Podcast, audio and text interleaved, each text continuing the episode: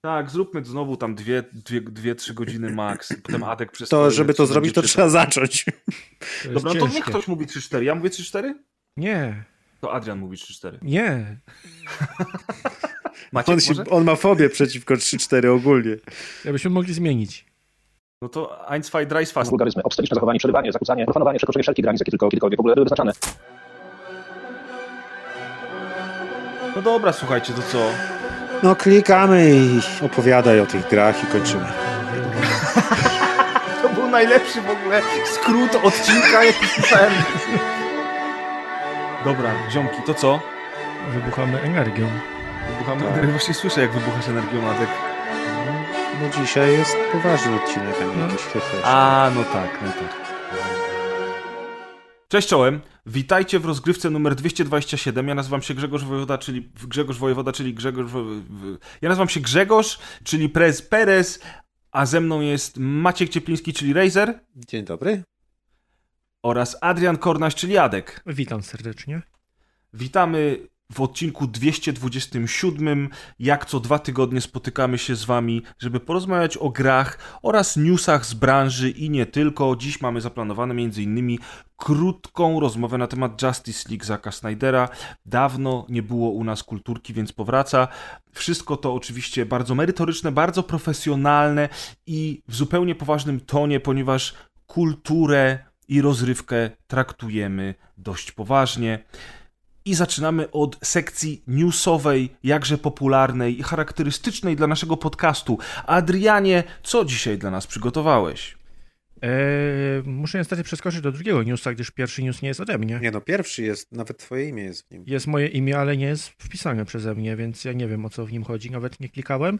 Ale zacznę od mojego newsa. E, pojawiły się plotki o tym, że za chwilę ma zostać zamknięty sklep e, PlayStation 3, PlayStation Vita oraz PSP. E, Na razie to są plotki, ale podobno w następnym miesiącu, czy pod koniec tego miesiąca już mają paść oficjalne informacje. E, PSP i PS3 ma być 2 July, czyli czerwca? Tak, tak. A Lipca. Vita, lipca, Lipca. lipca. A Vita 27 August. E, I z jednej strony rozumiem zupełnie decyzję, no bo wiadomo, że to są stare konsole i biznesowo trzymanie tego to już się nie opłaca. Z drugiej strony nie ma nic napisane o tym, czy zakupione rzeczy będzie szło pobrać. Ponieważ te sklepy działały tak, że całe pobieranie było przez sklep, więc jeżeli zostanie zamknięty cały sklep, to może się okazać, że ludzie nie mają dostępu do, do rzeczy, które zakupili. I to już jest ryzyko, o jakim się od dawna mówiło w Mm. kontekście gier cyfrowych. I może się okazać, że, że już powoli przechodzimy do tego, że tak jak na razie tylko straszyli, że te gry, które kupujemy, nie są nasze i faktycznie nie są nasze. I je potracimy. Zaskoczenie! Od lat wiedzieliśmy, że nie są nasze, tak samo jak nie są nasze na Steamie. Natomiast pytanie brzmi, czy potracimy je kompletnie, czy tylko nie będziemy mogli kupować nowych, No bo właśnie nie ma się- informacji tutaj o tym, jak to będzie działało. Eee, dzisiaj rozmawiałem z, z kimś o tym na Twitterze i kilka sklepów zostało tak zamknięte, że już nie było do nich dostępu. O, w przypadku sklepu e, z DS-a i z Wii. Nie da się pobrać gier, które już zostały zakupione.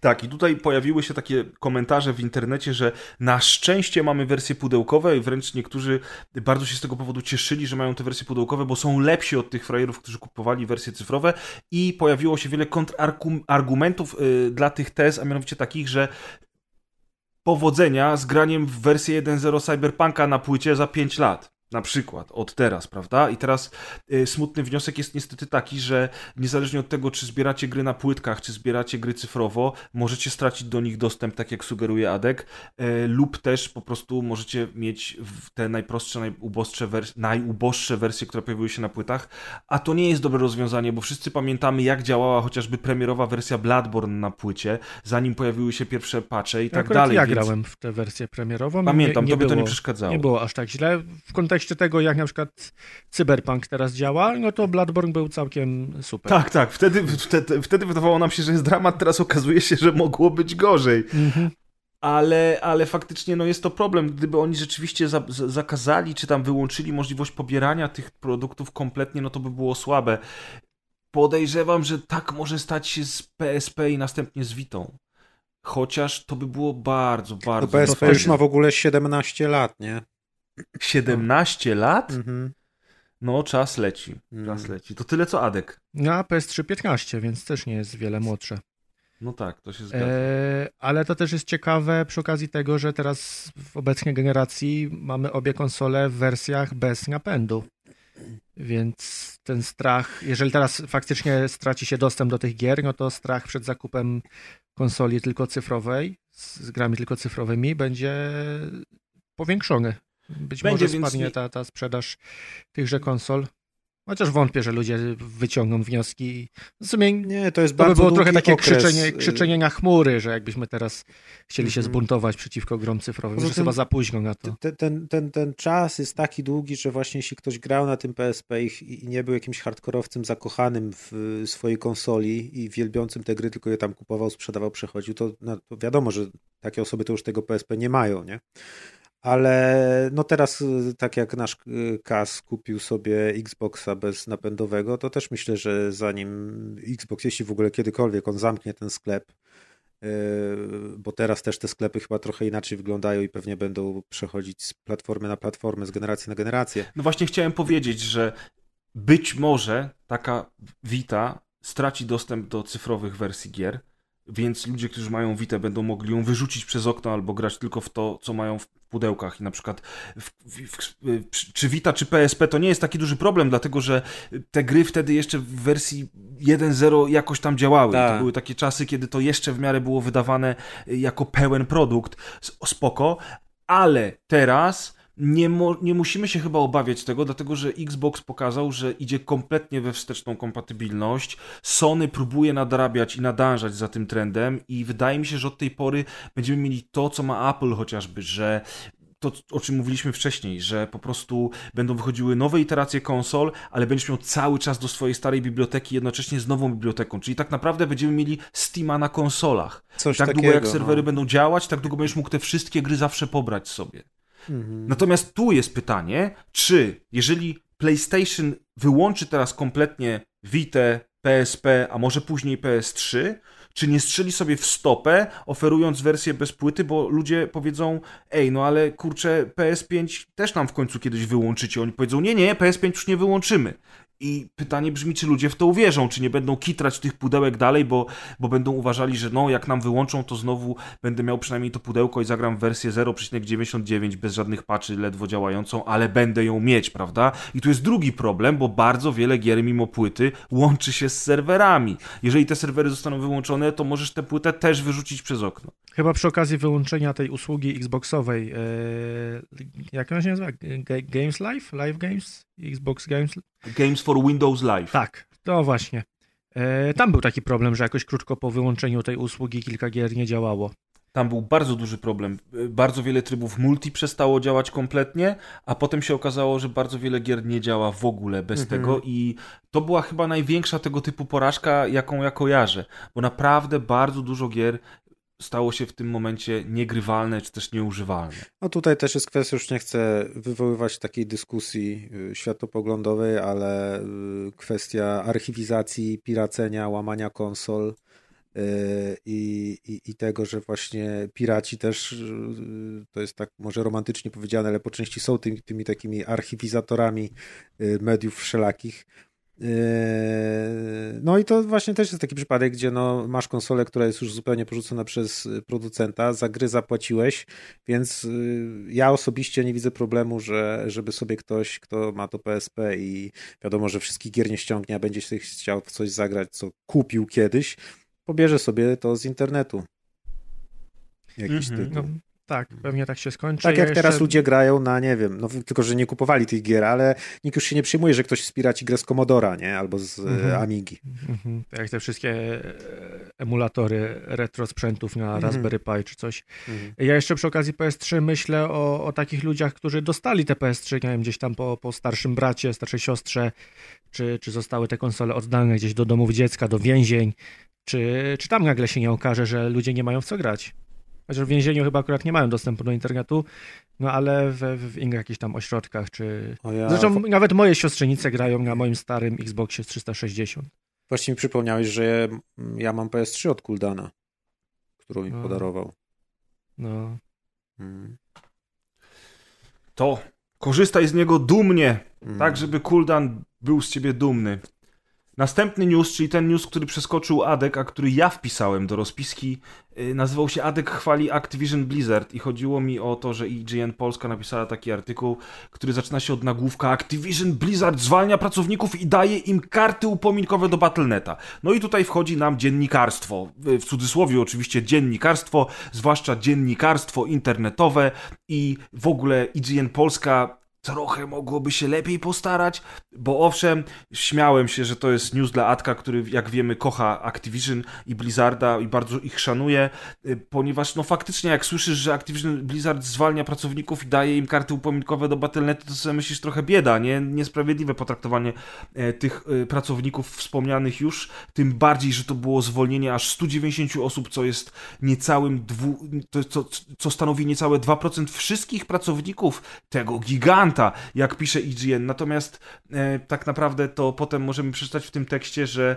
ci ludzie dostali e, trzymiesięczną odprawę pieniężną i świadczenia zdrowotne do nawet roku czasu oraz kartę upominkową na 200 dolców do sklepu Blizzarda, więc to trochę zmienia postać rzeczy, ale tak, e, dziennikarstwo w cudzysłowiu ma się dobrze, a To jest kolejnym... klasycznie clickbait, ale też warto wspomnieć Tak. o tym, że mimo wszystko Kotik znowu zbierze sobie bonus roczny w wysokości bodajże 200 milionów?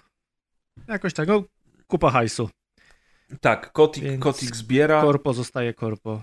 To tutaj na zachodzie bez zmian oczywiście. Następny news jest taki w sumie zbiorowy, nie tylko ode mnie, ale też od Atka. Myślę, że Maćka też ten news zainteresuje. Adrian, proszę, przejmij pałeczkę. Eee, Switch nowy. Pojawiły się plotki z zaufanych źródeł, że dostaniemy nowego Switcha, który okazuje się całkiem dobrym sprzętem, o ile te plotki zostaną potwierdzone. Ponieważ jedną z rzeczy, która mnie najbardziej zaciekawiła, to jest obsługa DLSS-a, czyli podbijania rozdzielczości przez AI.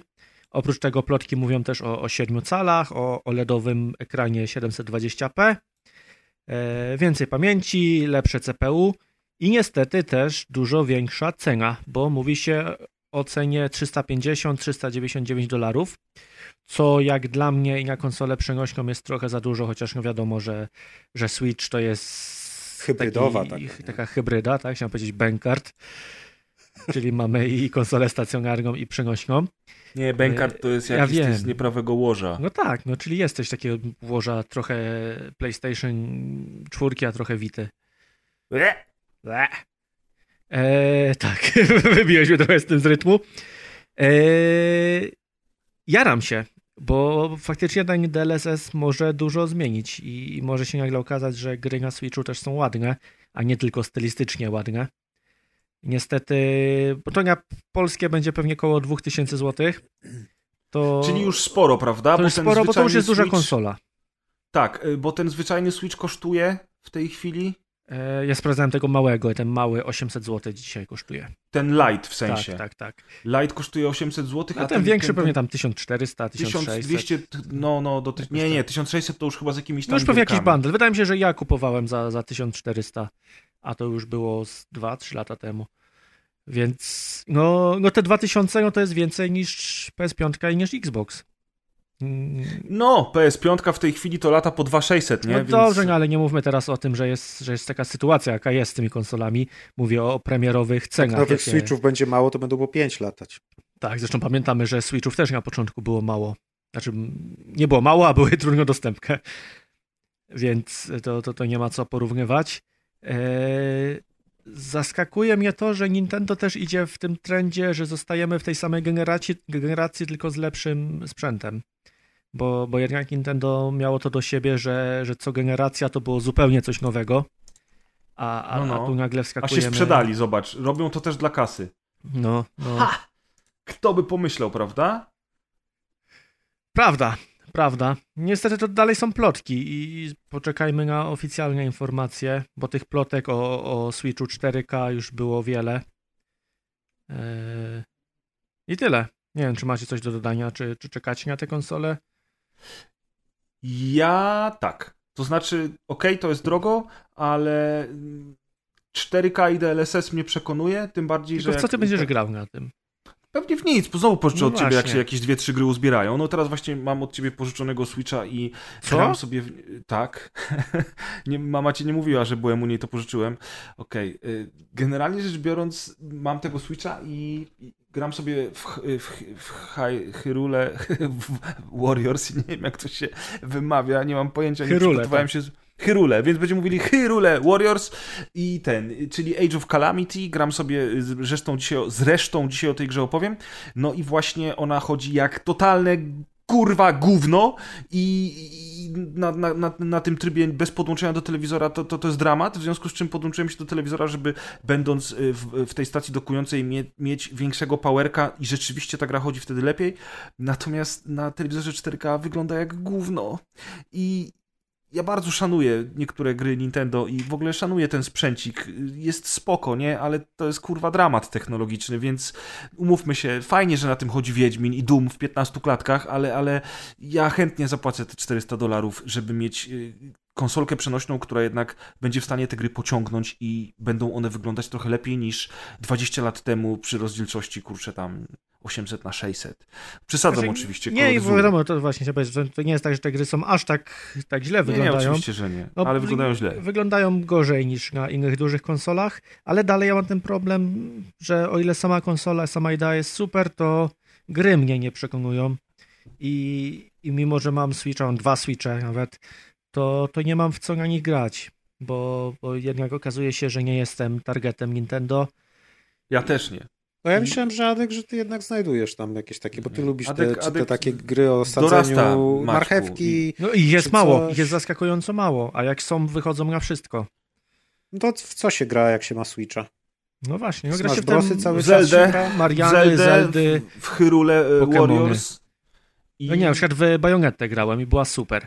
No ale ja to... na przykład chciałem zagrać w Marvel Ultimate Alliance 3, bo to jest ekskluzyw dla Switcha właśnie, w związku z czym też to był jeden z głównych powodów, dla których pożyczyłem w ogóle y, tę konsolkę i to tak bardzo źle chodzi na tej konsoli, że nie gram w to, bo to nie ma sensu. Więc no, tak. No niestety, no, to jest dobra konsola, ale dla specyficznego użytkownika i my nie jesteśmy takim użytkownikiem. Mm. Dla przegrywów, a my nie dla jesteśmy przegrywów, takimi. tak. Dokładnie tak, jest. Dokładnie, o to chodziło Adrianowi właśnie. Y, Moi drodzy, jak zwykle w punkt, merytorycznie bardzo celnie o grach, popkulturze w ogóle.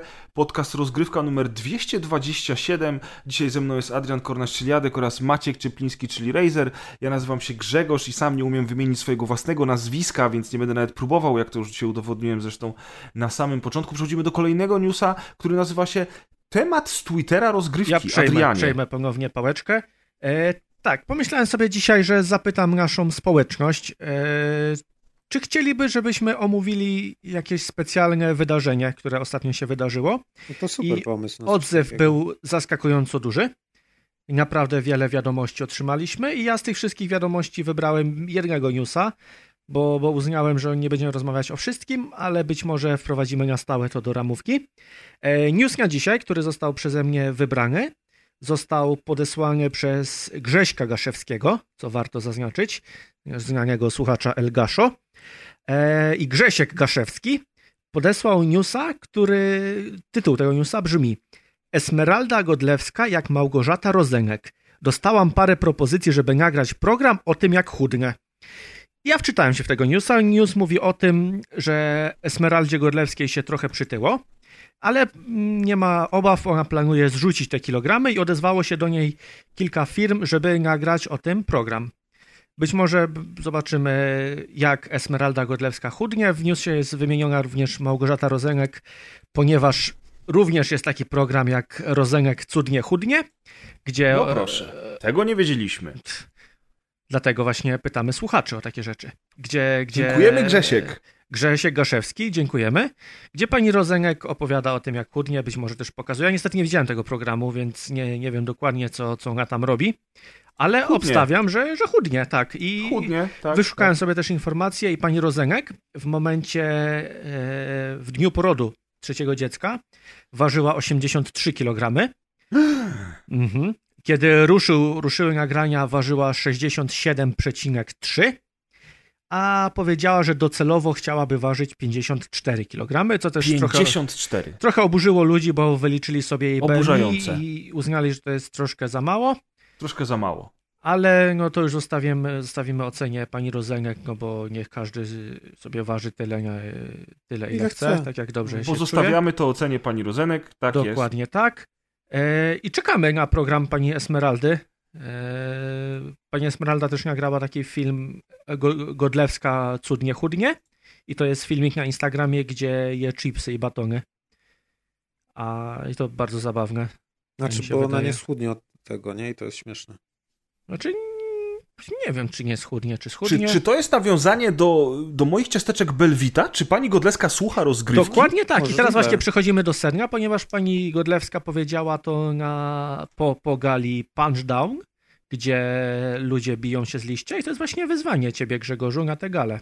W kolejnej edycji walczysz z Esmeraldą Godlewską na liście. Nie chciałbym być niegrzeczny, ale pani Esmeralda obecnie wygląda tak, że mogłaby ze mną wygrać. Dlatego I- liczymy, że, że potrenujesz trochę i pokażesz klasę, pokażesz, będziesz reprezentował nas wszystkich, naszych słuchaczy, Grześka Gaszewskiego, który podesłał tego newsa. Przede wszystkim Grześka, tak, tak.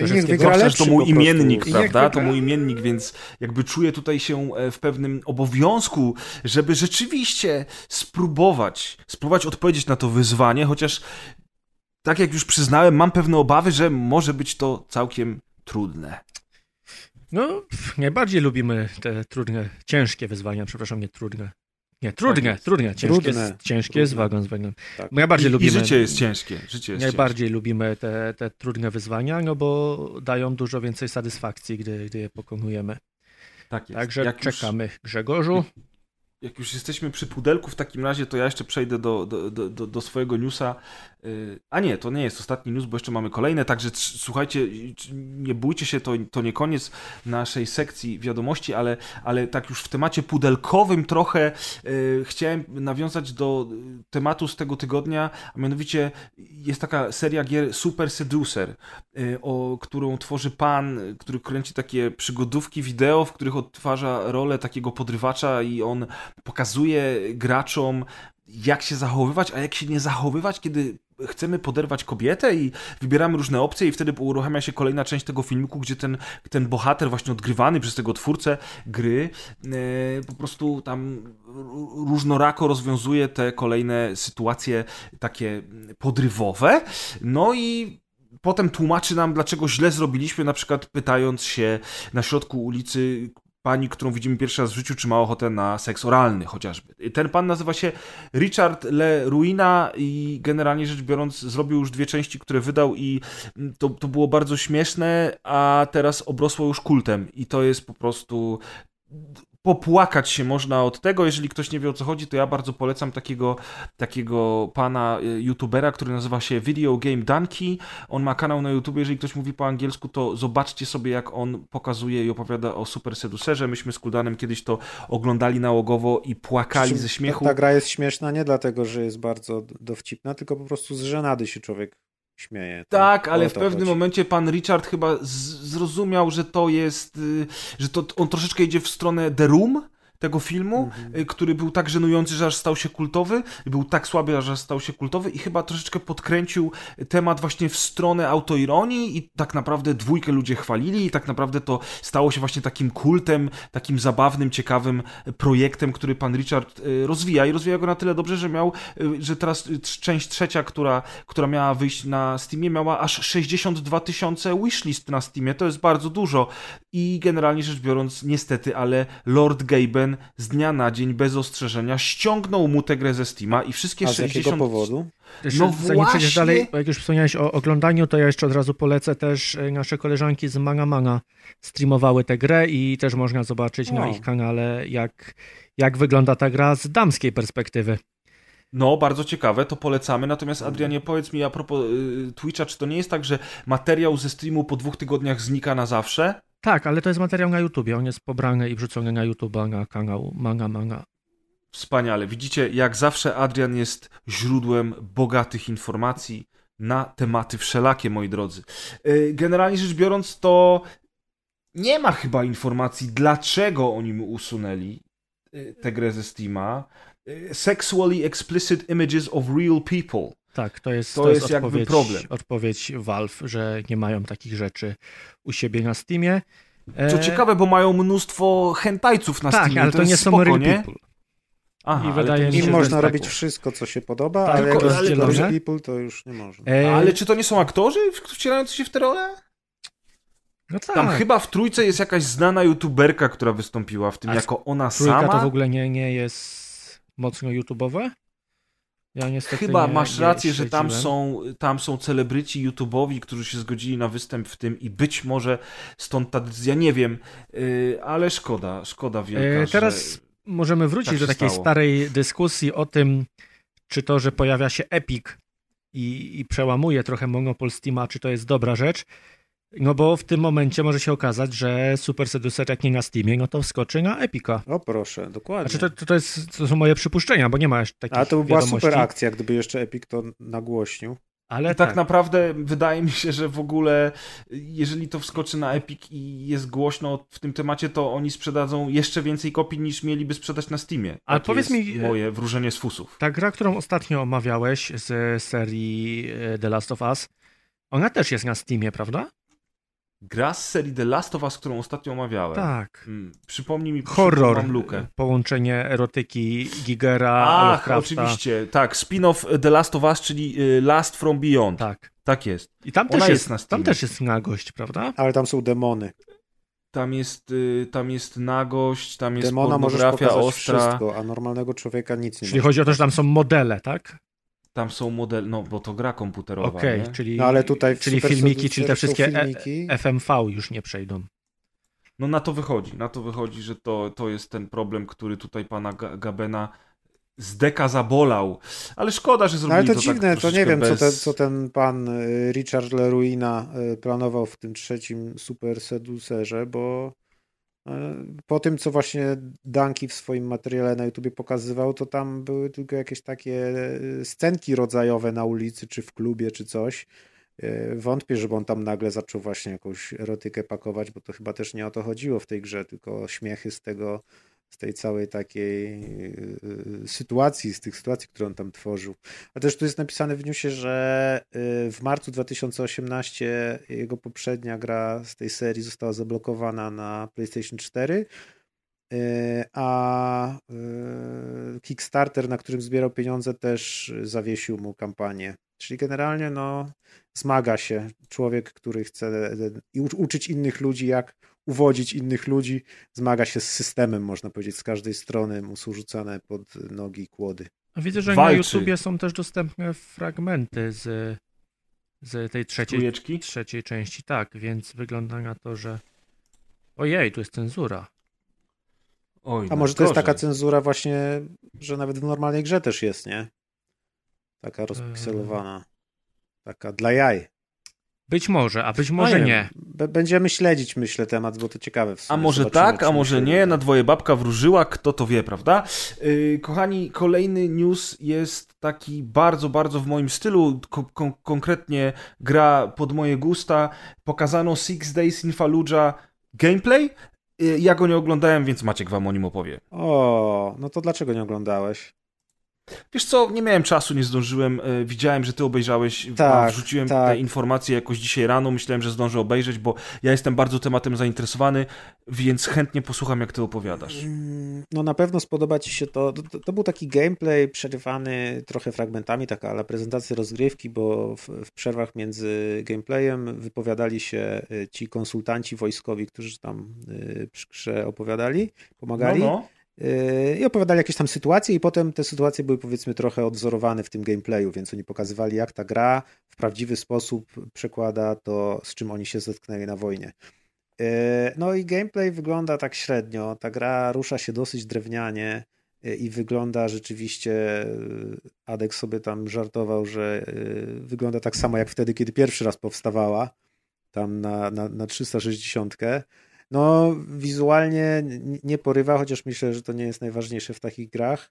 Yy, Były tam dwa systemy, które wyglądają ciekawie. Jeden na pewno Ci się spodoba, bo jest to system rozkazów wyjęty praktycznie żywcem z Brothers in Arms. Y, czyli y, możemy na przykład y, kazać naszym kompanom kłaść ogień zaporowy w jakimś kierunku i kiedy oni ostrzeliwują przeciwników, my możemy zacząć ich flankować, bo jesteśmy powiedzmy kryci, nikt do nas nie strzela. Yy, I drugi system całkiem ciekawy to jest yy, losowe generowanie miasta, bo tam po tej Fallujah się chodzi ona. W... Jak to ma działać? Wy wytłumaczyli? Bo ja szczerze yy, mówiąc też wyłączyłem. no powiedzieli, że za każdym razem każda twoja nowa gra będzie wyglądała inaczej i że nie nauczysz się jej na pamięć. I też to ci wojskowi tłumaczyli, że to jest tak jak w prawdziwej sytuacji, że, że nie, nau- nie da się na pamięć nauczyć za każdym razem przechodzić jakiś potyczek, więc yy, chyba po prostu za każdym razem jak wczytasz mapę nie wiem, od początku może, nie? Bo jak już mhm. zrobię save'a w połowie, no ale jakoś to chyba działa, oni pokazywali taki fragment y, kilku przecznic, y, gdzie te budynki się zmieniają i to jest fajne, bo one się y, zmieniają dosyć znacznie. W sensie, że raz możesz wejść do budynku i to jest jakaś taka większa hala, drugi raz wchodzisz tymi samymi drzwiami, a to masz korytarz i drzwi na prawo i lewo i tak dalej, więc oni przygotowali sobie mnóstwo pewnie takich zestawów. Fajne. I to się wydaje mi, wydaje mi się, że to się może całkiem fajnie sprawdzić, bo jakby no generalnie... W mieście to musi super działać, nie? Tak, no, bo budynku miasta... na inny budynek to już daje ci zupełnie inny feeling, już masz przełamaną tą barierę, to co się nauczyłeś, a dalej to jest spójne, no bo dalej jesteś w mieście, którego nie znasz, Dokładnie, właśnie to, to, co pisałem, że to nie jest tak jak lochy w pierwszym Diablo były generowane, że tam generalnie system generował jakieś bezsensowne ściany, które się potem kończyły i korytarze, które szły bez sensu, tylko w normalnym świecie też miasta można powiedzieć, że są tworzone na podstawie jakichś powtarzalnych schematów, gdzie są właśnie przecznice, ulice, bloki, dzielnice, kwartały więc taka technika może dawać jakby architektonicznie wiarygodny rezultat w tej grze, że nie będziesz miał wrażenia, że wiesz, coś ci się tu wygenerowało dziwnego, tylko że za każdym razem yy, wiadomo, że to, to, to miasto wygląda tak samo, ale właśnie nie, nie znasz go na pamięć i to na pewno mhm. może być fajne, bo, bo też na przykład jak właśnie grają dwie osoby, to nie mogą porównać tego, jakim się grało, bo każda grała w, w trochę, trochę inaczej. No i ogólnie Już gra... widzę, jak działa to losowanie, to bardzo ładnie to pokazali, że tak jakby fundamenty są takie same dla, dla całej mapy, a, a zmienia się to, co na tym jest wybudowane. I albo to jest właśnie olbrzymia hala, albo to jest e, płot i w środku jest mniejszy domek. Ciekawie to sobie wykombinowali. Hmm. No i dosyć chaotycznie ta gra wygląda. Znaczy nie było pokazane żadnego interfejsu jakby na ekranie. A ja przykład jak zauważ, że y. celowanie jest takie, że zasłania 3 czwarte ekranu. Tak, tak, właśnie celowanie jest taki, jakiś taki dziwny fow jest też, y, ale, ale te wymiany ognia były możliwe, że to też na potrzeby trailera takie, taki vertical slice niby, który potem tak mhm. nie będzie wyglądać, ale wyglądało to bardzo chaotycznie, nie było kompletnie takiego super precyzyjnego strzelania, celowania krzyżykiem na ekranie, tylko mnóstwo strzałów było takich oddanych prawie, że z biodra, jeśli tam się wychylał za, za murku na przykład, to nie przy przykładał oka, przyrządów celowniczych do oka tak dokładnie, tylko tak trochę to z boku było i trochę fajnie wyglądał ten chaos, bo rzeczywiście to nie było takie. Często strzelał zaporowo, żeby. Żeby ktoś mógł przejść gdzieś tam obok. Tak, żeby w kierunku skąd padały strzały, a nie zawsze wiesz, nie zawsze widzisz tego przeciwnika. Y, były tam jakieś komunikaty dźwiękowe i tak dalej. Ta drużyna niby się nawołuje, mówi, że tam, a po lewej są w uliczce i tak dalej. Nie wiadomo, czy to rzeczywiście w tej grze tak będzie fajnie wyglądać, ale no, z jednej strony wygląda biednie wizualnie, a z drugiej strony jest to taki jakby świeży powiew czegoś innego w strzelankach, co można nazwać powiedzmy troszkę bardziej taką e, ekspresyjną, narracyjną strzelaniną FPS niż taką zwyczajną, no nie Takie wiem. bliżej Spec Opsów trochę i, i takiej zabawy niż, niż Duty. Niekoniecznie no, tak. z ciężarem e, takim jak Spec Ops News, chociaż mhm. być może też to będzie. No bo Ale jednak... bardziej, żeby oddać atmosferę jakąś mhm. zaszczucia i wojny, niż to, że ty sobie teraz super na, na celuj celowniczkiem na przeciwnika i go zabij, nie? Tak, i teraz podnosisz jego broń i masz ognistą amunicję. Możliwe, że jeśli fajna fabuła będzie, to to może być bardzo fajne, takie nietypowy właśnie FPS, jeśli będzie jakoś tam to narracyjnie, bo jeśli nie, to no mnie to tak powiedzmy póki co jeszcze średnio zachęciło, głównie przez tą oprawę, która jest no trzeba, trzeba się jakby, jak to powiedzieć, no, zagryźć zęby, żeby w to zmrużyć odpalić. oczy. A no. też nie wiem, czy zwróciłeś uwagę na oświetlenie, jakie tam jest, jak bardzo wszystko razi w oczy. Jest no, takie, że jak jesteś w, jesteś w budynku i spojrzysz za budynek, to, to tam tak świeci słońce, że widzisz na metr do przodu, jak przy wybuchu w falaucie trzecim tego atomowego, atomowej mm. bomby. No, fajne. Bardzo ciekawe, pewnie jak Czegoś bardzo źle zrobiłeś, że nie obejrzałeś, musisz obejrzeć teraz. Dokładnie tak. Pewnie obejrzę sobie po... A teraz przejdziemy do kolejnego newsa. Kolejny news opowie nam Adek. News zatytułowany Konferencja Square. Tak, e, wpisałem takiego newsa, odbyła się konferencja, znaczy nie wiem, czy to była konferencja, ale był jakiś streamek z grami Square Enix i nie chcę tego całego omawiać, a wypisałem sobie trzy rzeczy, które mi się rzuciły w oczy i które zapamiętałem i dam ci czas na obejrzenie trailera, a ja przejdę od końca. E... A to ja widziałem ten zwiastun. Okej, okay, to, to, to lecimy od początku, czyli Forspoken. Eee, ciekawa gra, nie wiem dlaczego, ale mam takie skojarzenie trochę z Song the Game, czyli tymi wszystkimi Horizonami, Spider-Manami i tak, tak dalej. A mi się za to bardzo z wszystkimi Final Fantasy kojarzy. Takie to jest ewidentne, nie wiem czy to widzę w ruchu, w kamerze, w, w gameplayu, ale od razu widzę, że to jest jakby Final Fantasy takie jakieś. Znaczy jest, jest, wygląda bardzo dynamicznie, chociaż też jest tak smontowane, żeby było dynamiczne i przez całe 20 sekund gameplayu główna bohaterka robi rolki w powietrzu, znaczy takie... Tak, da, daszuje powiedzmy. Daszuje i się obraca, tak. Trochę jak w tym, w Warframe się poruszają tam bohaterowie, to też...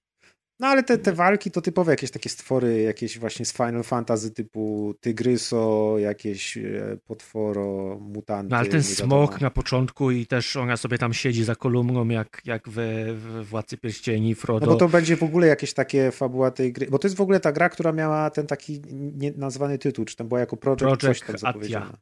Project Atia, tak. I tu wygląda na to, że jakaś e, dziewczyna z e, czasów dzisiejszych jest wrzucona w jakiś fantastyczny świat, nie? Bo ona tutaj ma mhm. chyba gdzieś normalne takie ubrania i jest widać, że nie wie, gdzie się znalazła, w jakimś dziwnym świecie, gdzie są smoki i tak dalej. No a potem już jest, że fruwa lata w jakichś takich magicznych szatach i walczy z fantastycznymi stworami. Ja już wtedy ziewałem, bo a nie, to jest ja, nie mój klimat Ja zupełnie. jestem zainteresowany, bo, bo nie wiem, jakoś mnie kupiła ta historia I, i, to, że znowu mamy ten trend, gdzie główna bohaterka w grze jest też wzorowana na jakiejś aktorce i tutaj to jest Ella Balińska. To jest fajne, no. Bo jest e... cały performance capture zrobiony, nie? Głos, tak, tak. twarz. Co ciekawe, to jest aktorka urodzona w UK, ale polsko-jamańskiego pochodzenia. Polsko-jamańskiego pochodzenia. Tak.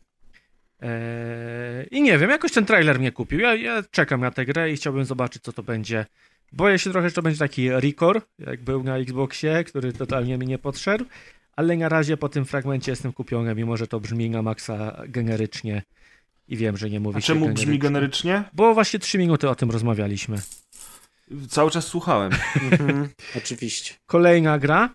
Eee, nowa część Life is Strange pod tytułem True Colors jest bardzo, znaczy bardzo, jest długi zwiastun, ponad dwuminutowy, opowiadający historię, co tam będzie się działo i mamy nowych bohaterów. E, bohaterka wraca sobie do miasta, do swojego brata, się kumplują, się, się tam dobrze bawią, po czym ten brat umiera i w wyniku traumy główna bohaterka widzi dookoła ludzi aury i aury te symbolizują ich emocje.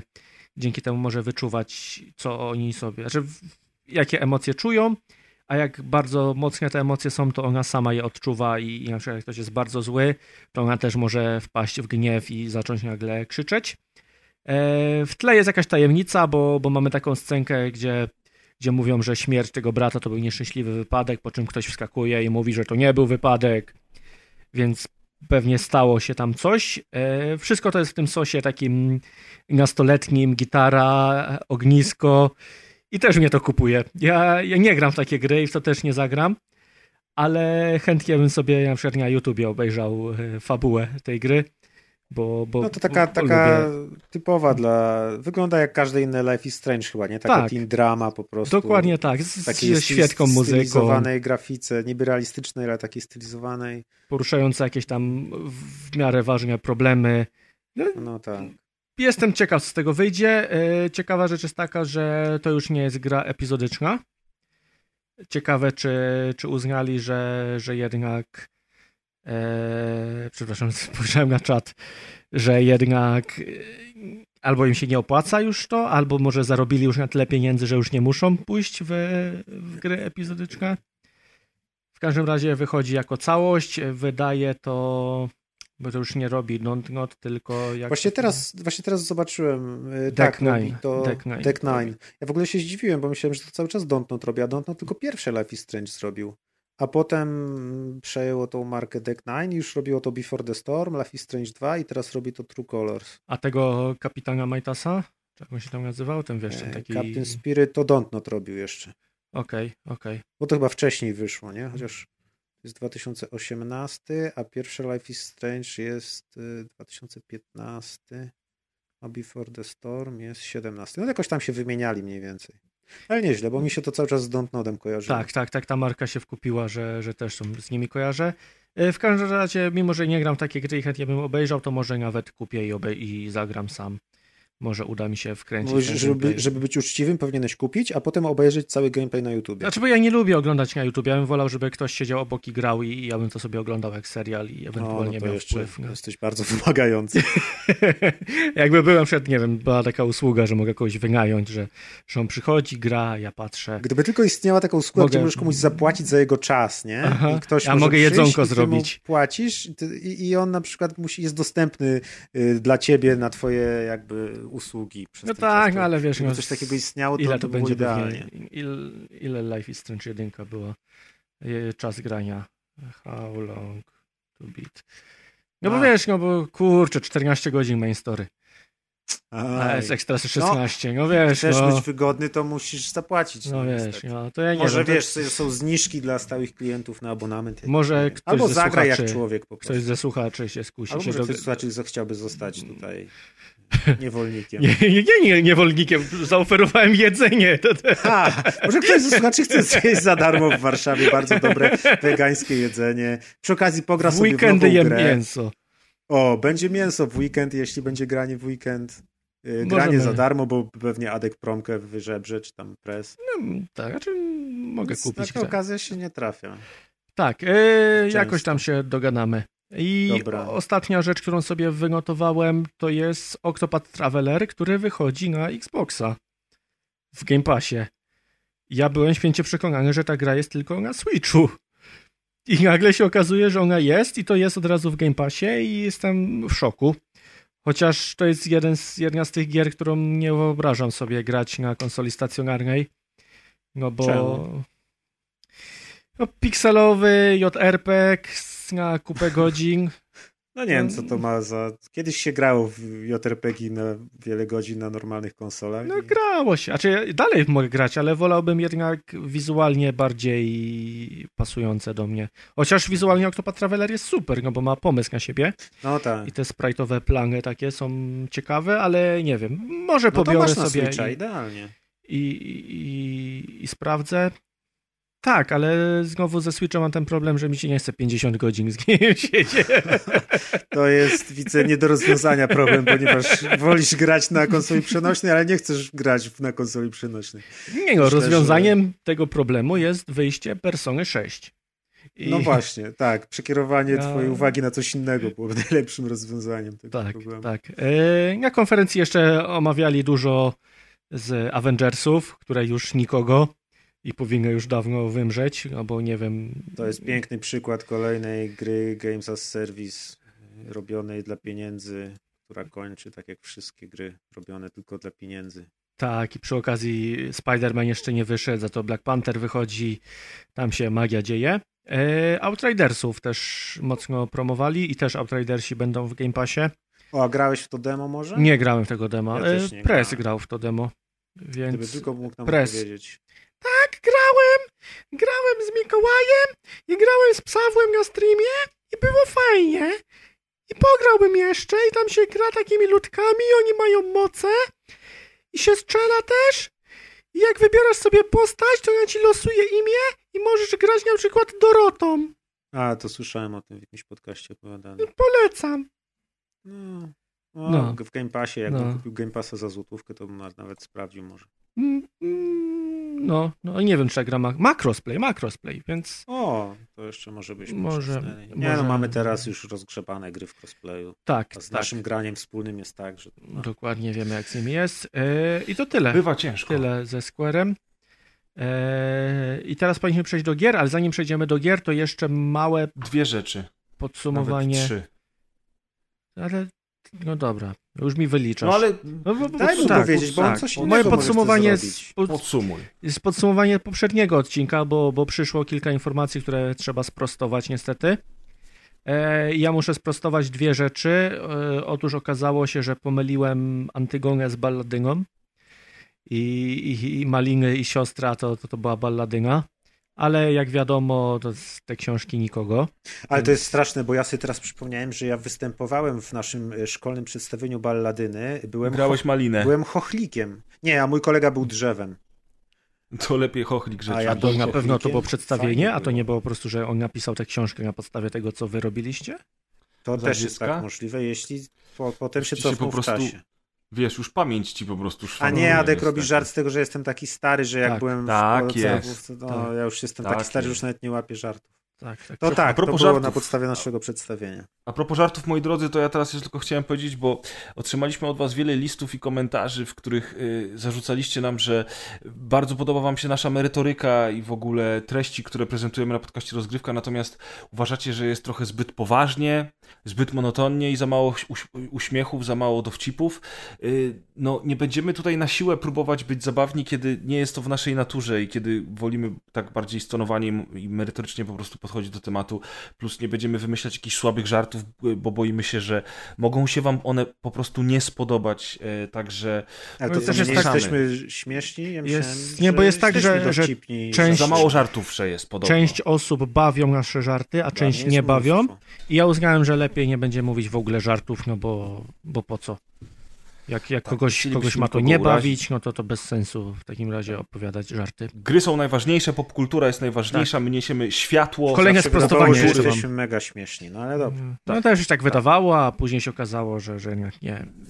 Nie są. A ja mam nie nazwę, jesteśmy. a ja mam nazwę dla tego kącika, w którym ty teraz wymieniasz Mhm. rzeczy. Ja Znaczy ja mam nadzieję, że, że się nie, nie, nie powtórzy ten kącik, bo to była jednorazowa wpadka. Aha, ale jakby co, to mam nazwę Baop. Blisko, ale obok prawdy. Bo?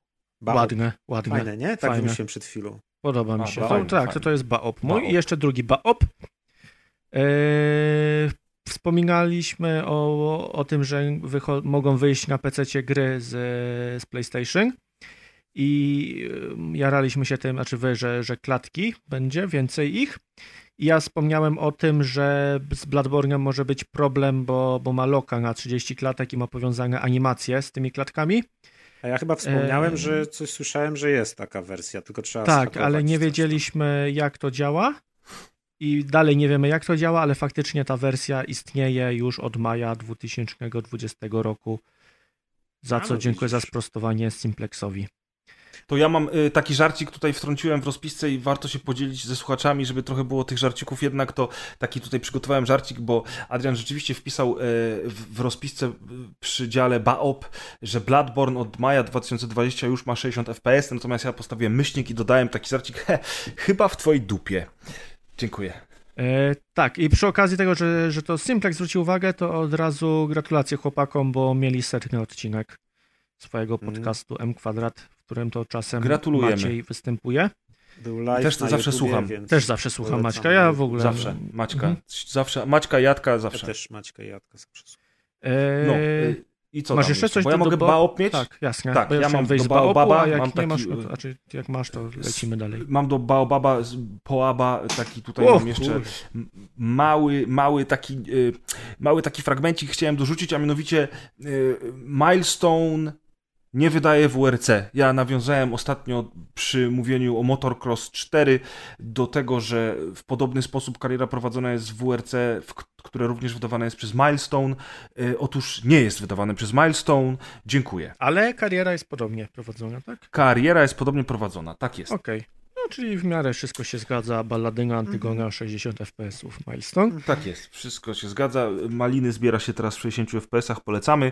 Ja chciałem teraz przejść, czy, czy to, co jest ostatnie na e, Adrianie, mój drogi, czy to, co jest ostatnie w naszym dokumencie, to jest coś, co, o czym Tak. mówić teraz? Tak, to jest to, To- no, od to- razu, to żeby nie zabierać później czasu słuchaczom, Oczywiście, tak. gdzie omawiamy gry. Szanujemy, y, cenimy wasz Tak. czas. Yy, to są ode mnie dwa słowa do forum Ogatki, ponieważ chłopaki, no nie taka była umowa.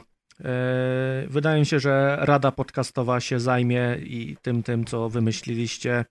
I takich rzeczy się nie robi. Było wszystko ustalone, a, a teraz żeście wyskoczyli z jakimiś takimi rzeczami. I mi jest tak po prostu po ludzku smutno przez to, co zrobiliście. I dziękuję. Ja jeszcze Tam nie wiem, też, co się stało, ale też. też mi jest smutno. Przesunęli, przesunęli nagrania o tydzień i teraz będziemy w tym samym tygodniu wychodzić.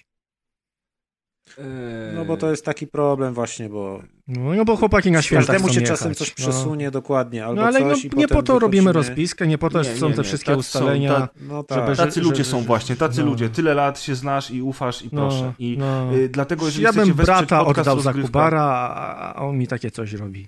Takie coś. Jeżeli chcecie wesprzeć podcast Rozgrywka, to wprowadźcie na swoich Twitterach teraz hashtag murem za atkiem y, i w ten właśnie oto sposób y, pokażcie swoje niezadowolenie. Tak.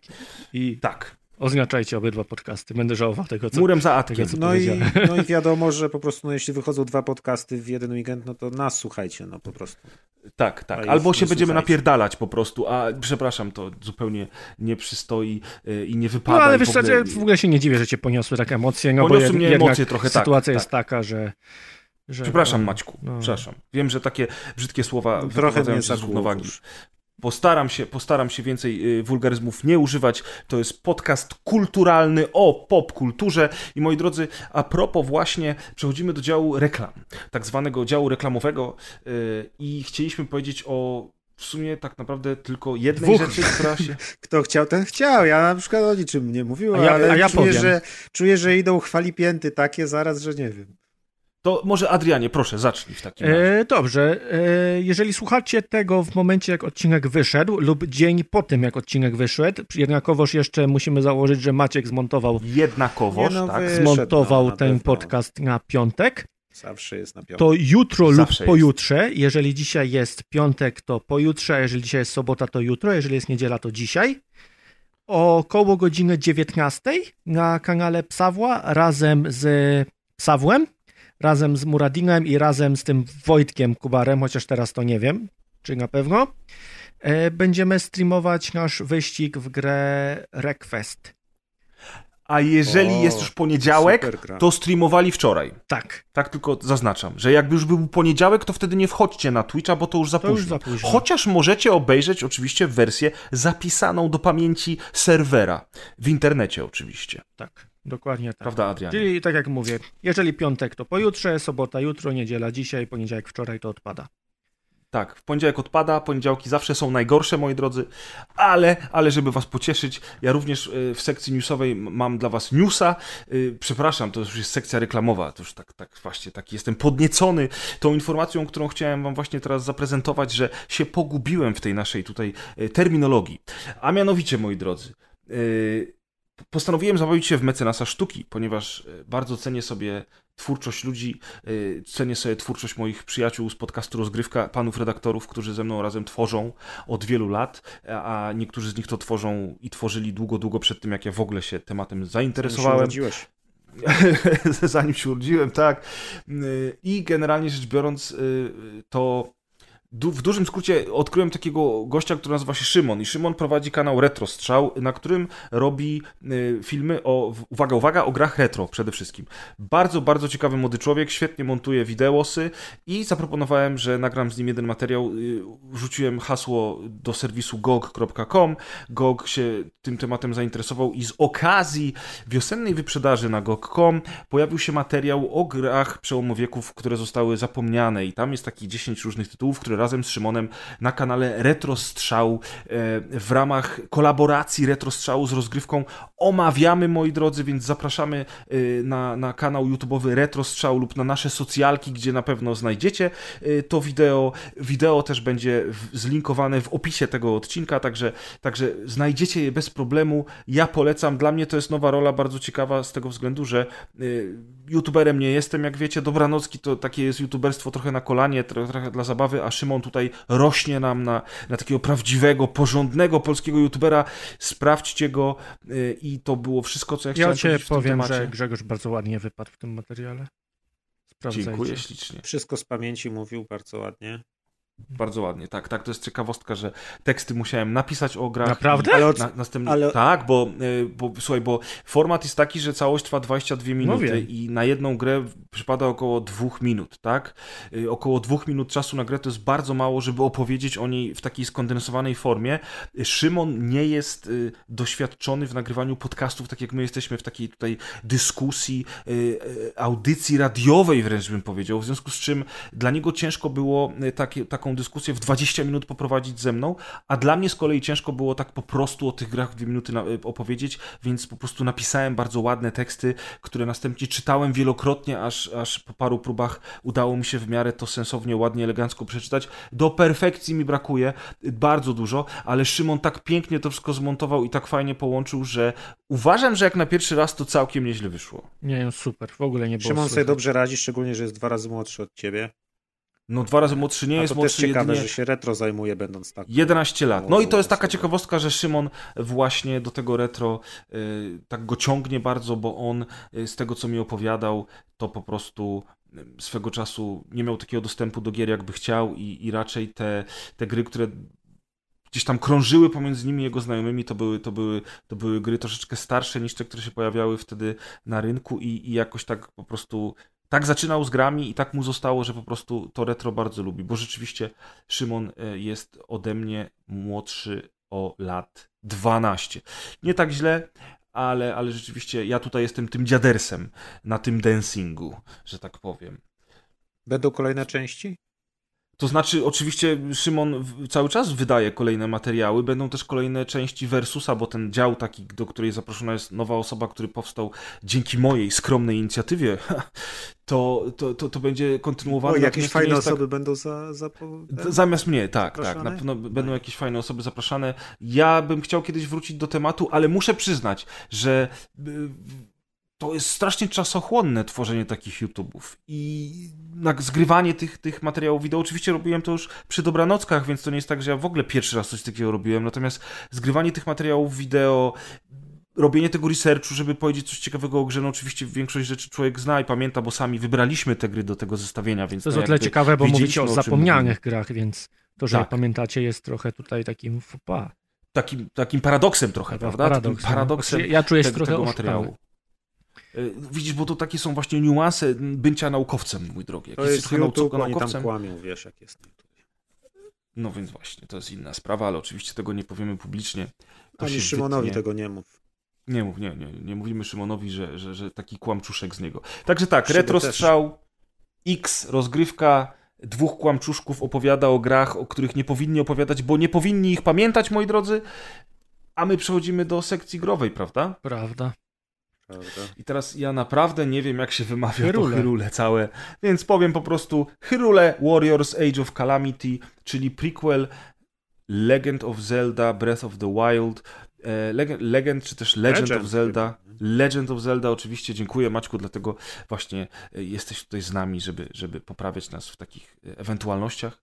Legend of Zelda, jak pamiętacie, na przełomie 2017-2018 okazał się wielkim zaskoczeniem dla mnie, dla Grzegorza, może teraz mi się uda wymi- wymienić moje własne nazwisko, dla Grzegorza Wojewody, e, kiedy po bardzo takim ciężkim problemie z plecami wylądowałem w szpitalu i potem leżałem dosyć dużo w łóżku i otrzymałem od swoją drogą też Szymona, ale innego Szymona, którego bardzo serdecznie pozdrawiam.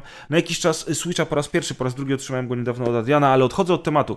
Y, Mam nadzieję, że w lepszych gra- okolicznościach dostałeś tak, Switcha. teraz w lepszych zdecydowanie, Adrianie, chociaż no nie wiem, czy w takich lepszych, ale, ale przynajmniej moje plecy są zdrowe. No, y, gener- znaczy prawie są zdrowe.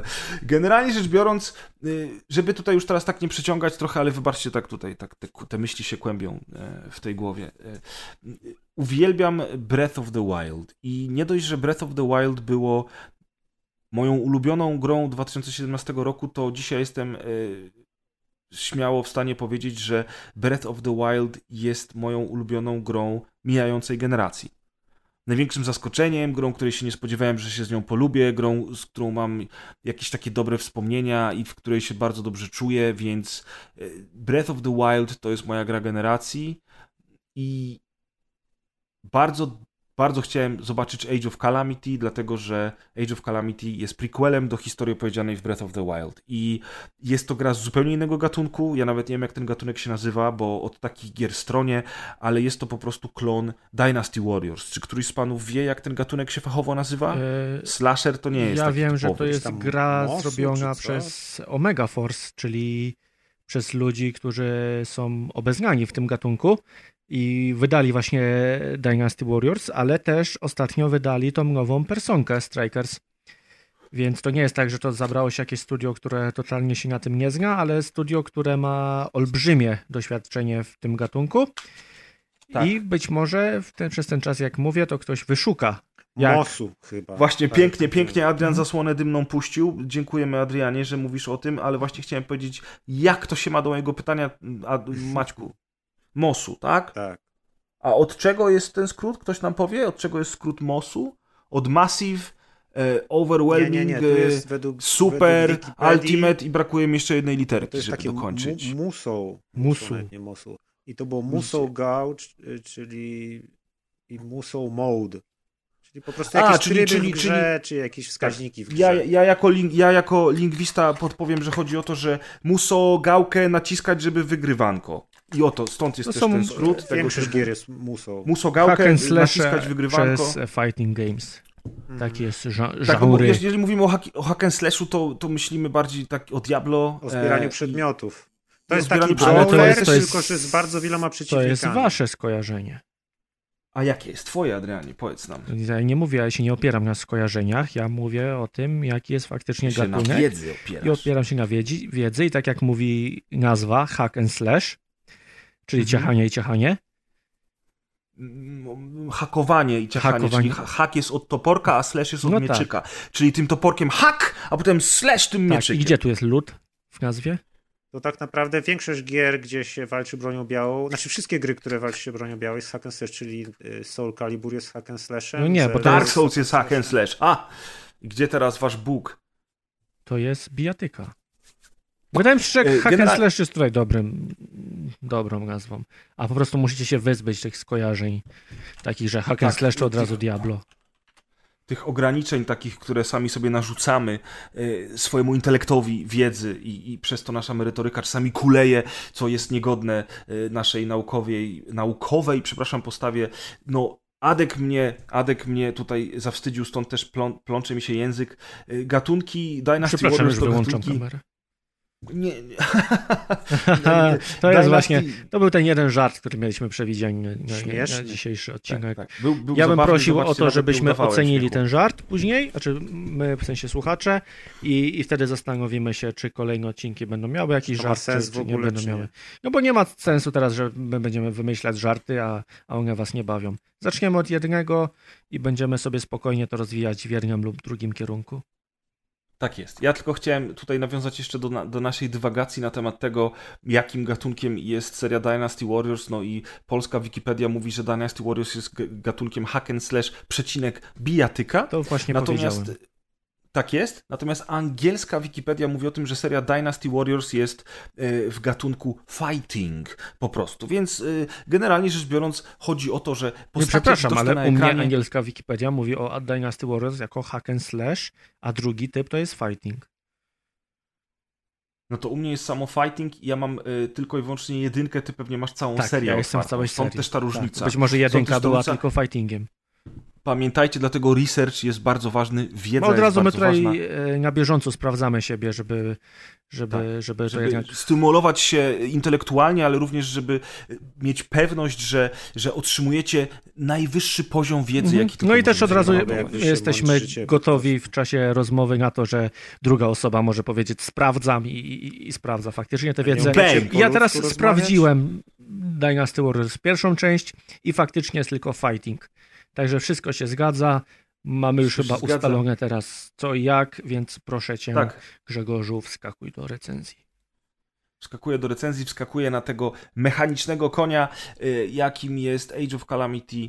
Specjalnie omijam pierwszy człon y, Hyrule. y, tej gry Hyrule, bo nie wiem jak to się wymawia w dalszym ciągu. Na szybko teraz tego nie sprawdzę. No i tak, moi drodzy. No więc Hyrule Warriors Age of Calamity To jest takie Dynasty Warriors tylko w świecie Zeldy, tak jak powiedziałem, jest to prequel do Breath of the Wild. Opowiada historię, którą w Breath of the Wild jedynie poznaliśmy poprzez y, wspominki, dialogi, bo jak wiecie, y, Link który budzi się i oczywiście ma zanik pamięci, no bo jak żeby inaczej w grach komputerowych. E, Link budzi się w Breath of the Wild i musi się dowiedzieć o co chodzi tak jakby, natomiast y, dowiaduje się tego w trakcie pięknego RPG w open worldzie, którym jest Legend of Zelda Breath of the Wild, a wydany kilka lat później Age of Calamity pokazuje wydarzenia, które działy się w przeszłości. Te wydarzenia są bardzo istotne, ciekawe nawet, chociaż no, na tyle, na ile może być y, ciekawa fabuła w Zeldach, y, ale jest to zupełnie inny gatunek. Ta sama grafika, ten, samy, ten sam design, ci, ci sami bohaterowie, ten sam świat, więc wskakuje się w to jak w taką ciepłą pierzynkę, w której leży księżniczka Zelda E, i, i po prostu natychmiast czuję się jak, jak u siebie w domu, włącznie z muzyką, która niestety niekoniecznie jest w moim guście, ale jest na tyle charakterystyczna, że, że, że, że, że, że, że, że jest taka po prostu e, już mi znana po tych wszystkich godzinach, które spędziłem z Breath of the Wild. I tutaj duże zaskoczenie, dlatego że Dynasty Warriors zawsze wydawało mi się obciachowe, gameplay wydawał mi się nudny, powtarzalny i generalnie rzecz biorąc były to gry zupełnie nie dla mnie. I chyba przez to, że ja po prostu lubię tą najnowszą Zeldę, to poczułem się od razu jak w domu tutaj w Age of Calamity, mimo tego, że gra rzeczywiście jest w tym gatunku takim, y, który jak już dzisiaj ustaliliśmy, jest gatunkiem o walce, czyli po prostu fighting, hack and slash. Używamy broni e, białej, używamy czarów, używamy łuków, pojawiają się przeciwnicy z Zeldy Breath of the Wild, pojawia się wiele rozwiązań z tej gry, pojawia się używanie tych specjalnych czarów, czyli zamrażanie, mm, co tam jeszcze jest, y, stopowanie przeciwników w takiej stazie niczym w Dead Space, czy, czy, czy telekineza, dzięki której możemy rzucać nie tylko przeciwnikami, ale również przedmiotami. Ale w, cało, w całość gra się zupełnie inaczej. Gra jest bardzo nastawiona na opowiadanie fabuły pomiędzy misjami, natomiast misje to jest takie typowe łubu-dubu, y, gdzie bardzo wielu przeciwników naraz dostaje sromotne baty od postaci, którymi my sterujemy. Tych postaci jest kilka, przełączamy się pomiędzy nimi, każdą gra się inaczej. Koop. Jest koop, mój drogi. Jest koop, jeżeli podłączysz grę na, do, na telewizorze, to można grać na podzielonym ekranie. Ja oczywiście jako, jako wybitny naukowiec komputerowy sprawdziłem ten temat z moim asystentem, niejakim Mikołajem Wojewodą, zwanym również moim bratem i pograliśmy jedną czy dwie misje razem. Bardzo przyjemnie się gra razem. Niestety y, gra chodzi wtedy bardzo źle. Klatkarz jest, nie wiem, klatkarz naprawdę na oko jest gdzieś na wysokości 15 FPS-ów, co jest po prostu niedopuszczalne, a do tego ten, ten podział y, split screenu bardzo mocno ucina widok gry, zwłaszcza z przeciwnikami, bossami, którzy w tej grze są bardzo części, którzy są, którzy są więksi od pozostałych przeciwników i trzeba troszeczkę patrzeć w górę, jak się z nimi walczy. Jest to niesamowicie niewygodne przy, przy split screenie, a wielka szkoda, bo to jest gra idealna do split screenu i w ogóle gra się w nią przez to, że te postacie są tak zróżnicowane i mają tak różne style walki i tak różne zdolności, gra się w to trochę jak po prostu w Diablo.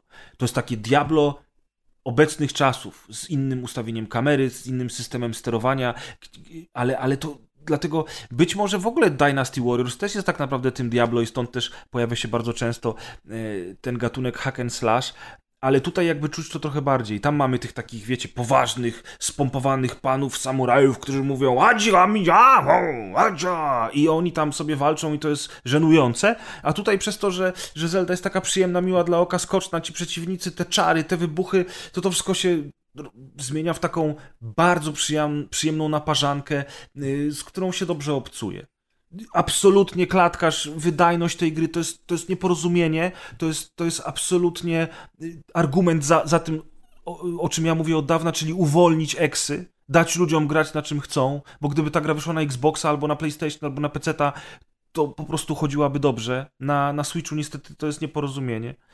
E, ale Ale poza tym to ja zastrzeżeń nie mam. Bawię się świetnie, są misje główne, są misje poboczne, możemy szkolić nas, naszych wojowników za pieniądze, możemy otwierać kuźnie, sklep i takie rzeczy, które tam potem nas wspierają w walce i na przykład mamy też gotowanie, ale niestety nie w takiej formie, w jakiej było w Breath of the Wild, tylko w takiej formie, że jeżeli uzbieramy w trakcie walk surowce, to przed wejściem na kolejną walkę, do kolejnej misji, bo te misje są zamknięte i musimy przejść całość, żeby się zaliczyły, sejwujemy tylko pomiędzy nimi, to możemy na przykład sobie ugotować jakiś tam przepis, który powoduje, że nasz bohater będzie miał plus 5% damage podczas walki w tej misji. Takie, to, to jest taka całkiem ciekawa dywagacja na temat Breath of the Wild, przeniesienie tych wszystkich rozwiązań do zupełnie innego gatunku i uważam, że wyszło to bardzo dobrze uważam, że dobrze jest wrócić do, do, do tej opowieści, zobaczyć to, to wszystko, o czym się słuchało w Breath of the Wild, teraz na własne oczy, biorąc w tym udział. Yy, na przykład te wszystkie potwory, nie wiem czy w ogóle kojarzycie historię Breath of the Wild, ale tam były te takie maszyny, które niegdyś właśnie pomagały bronić tych dobrych, a potem stały się złe i Link właśnie w Breath of the Wild próbuje je odbić. Natomiast tutaj my je zdobywamy i wybieramy takich czempionów, którzy z każdej krainy, z krainy pochodzi inny, inny czempion i jest inna maszyna, którą on będzie kontrolował, żeby walczyć z tym złym złolem, który jest takim zagrożeniem totalnym, uniwersalnym. I jak się zdobywa już te maszyny, to też są fajne takie e, różnorodne misje, podczas których steruje się tymi maszynami, gdzieś takim wielkim jaszczurem po krainie wulkanicznej i po prostu masakruje się tysiące przeciwników naraz, rzucając w nich lawą i nie tylko, to też fajnie jest rozwiązane w kooperacji, bo, bo steruje się nim tak, że jedna osoba prowadzi, używa niektórych zdolności, a druga osoba używa takiego laserka piu, piu, piu, którym troszeczkę zabija, a troszeczkę broni e, naszej maszyny przed atakami, które skierowane są w naszą stronę, e, więc jest to bardzo przyjemne. Po jakimś czasie robi się powtarzalne, trochę zbyt. Ja już przypomniałem sobie wtedy, dlaczego ja nie lubiłem nigdy Dynasty Warriors, bo to jest tak naprawdę na jedno kopyto. I im dalej w las, to mimo tego, że się pojawiają inni przeciwnicy, zbieramy nowe bronie, czy, czy pojawiają się inne lokacje, więc raz jesteśmy w takiej krainie, raz jesteśmy w takiej krainie, to to jest trochę gra na jedno kopyto. Ale tak od czasu do czasu, żeby sobie usiąść i zrobić jedną misyjkę, to, to, to, to ja bardzo polecam. Ja jestem szczęśliwy, że mogłem wrócić do Zeldy w takiej formie i mm, bardzo miłe zaskoczenie. Także Adrianie, dziękuję Ci za to, że użyczając mi swojego sprzętu, pozwoliłeś mi na ten jakże naukowy e, zabieg, research i poznanie e, gatunku, jakim jest fighting slash hack and slash slash y, japońskie bicie. Cieszę, cieszę się, że mogłeś wyruszyć do Hyrule. I, tak, dziękuję. Po raz drugi zresztą do Hyrule. I nauczyć się wymawiać Hyrule przede wszystkim. I poczuć Hyrule, magię tak. Zeldy. Tak. Bo to jednak I... warto znać Zeldę. Tak jak warto znać Fortnite'a. Fortnite. Dlaczego Fortnite jest w rozpisce? Maciek, może opowiesz nam, dlaczego jest w rozpisce? Bo graliśmy w Fortnite'a i dlatego jest w rozpisce. E, hmm. Graliśmy w Fortnite'a, bo chcieliśmy zagrać e, w kilka osób w jakąś grę wspólnie razem. E, na różnych platformach, bo nie każdy ma PC, nie każdy ma PlayStation, Xboxa.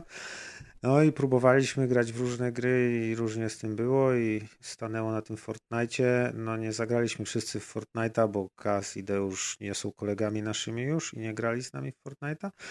Ale Grzegorz i Adrian są kolegami naszymi i zagrali z nami w Fortnite'a i zagraliśmy w Fortnite'a. Ja grałem pierwszy raz, nigdy nie grałem wcześniej, bardzo mi się podobało. Mm, wcale nie bolało. E, śmieszny ten Fortnite. Szkoda, że wszystko jest za pieniądze i mimo, że pograliśmy tam, nie wiem ile pograliśmy. No to za trzy godziny pograliśmy, nie? Więcej Myślę. pograliśmy trzy wieczory, Nawet. tylko powiedz mi, Dwa y, wieczory. dlaczego uważasz, że wszystko jest w Fortnite płatne, skoro nie jest? No co, a co dostaliśmy przez te trzy wieczory? Ja Ach, nic nie y, dostałem. Chodzi ci o skórki. Parasolkę dostałem. Y, no, no tak, tak no, no, oczywiście. No. Maciek, moi drodzy, mówi po prostu o tym, że on by chciał mieć więcej emotek i skórek. Zapamiętajcie ten dzień. Chciałbym, to jest żeby, nowy chciałbym Maciek. je odblokować, bo tam ta gra zasypuje. Ja w ogóle jakby interfejsu nie ogarniam, bo tam trzeba siedem ekranów, które sypią promocjami zamknąć, żeby się do meczu dostać. No ale generalnie trochę się zawiodłem, no bo nic nie... nie no parasolkę, dwie parasolki dostałem. Chyba, chyba nawet żadnej skrzynki nie otworzyliśmy. Ja nie A wiem, czy tam są były? jeszcze skrzynki w ogóle. Nie wiem, Natomiast... czy są, no ale no troszkę No tak graliśmy w tego. Fortnite'a właśnie. Y, To znaczy, ja powiem tutaj, drodzy słuchacze, żeby, żeby już trochę was z tej, z, tej, z tej konfuzji wyciągnąć, Jakiej a Maciek w tym konfuzji? czasie sprawdzić, czy konfuzja jest w ogóle w polskim słowniku.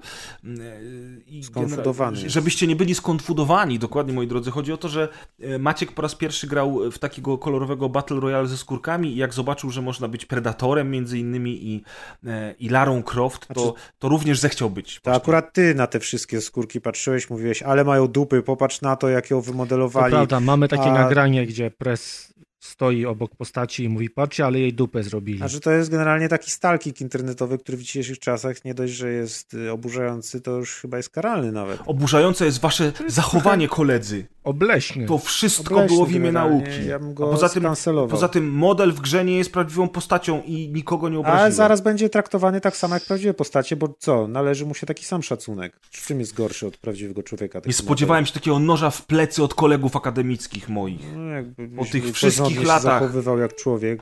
No, moralnie. Wspólnego czytania encyklopedii. Nie mobbingować Po postaci. tych w wszystkich partiach w szachy. Nie być oblechem w grach online. Mm. Mają mega, ale to mega fajne modele, bardzo fajne animacje i rzeczywiście piękne pupy, niektóre z tych postaci.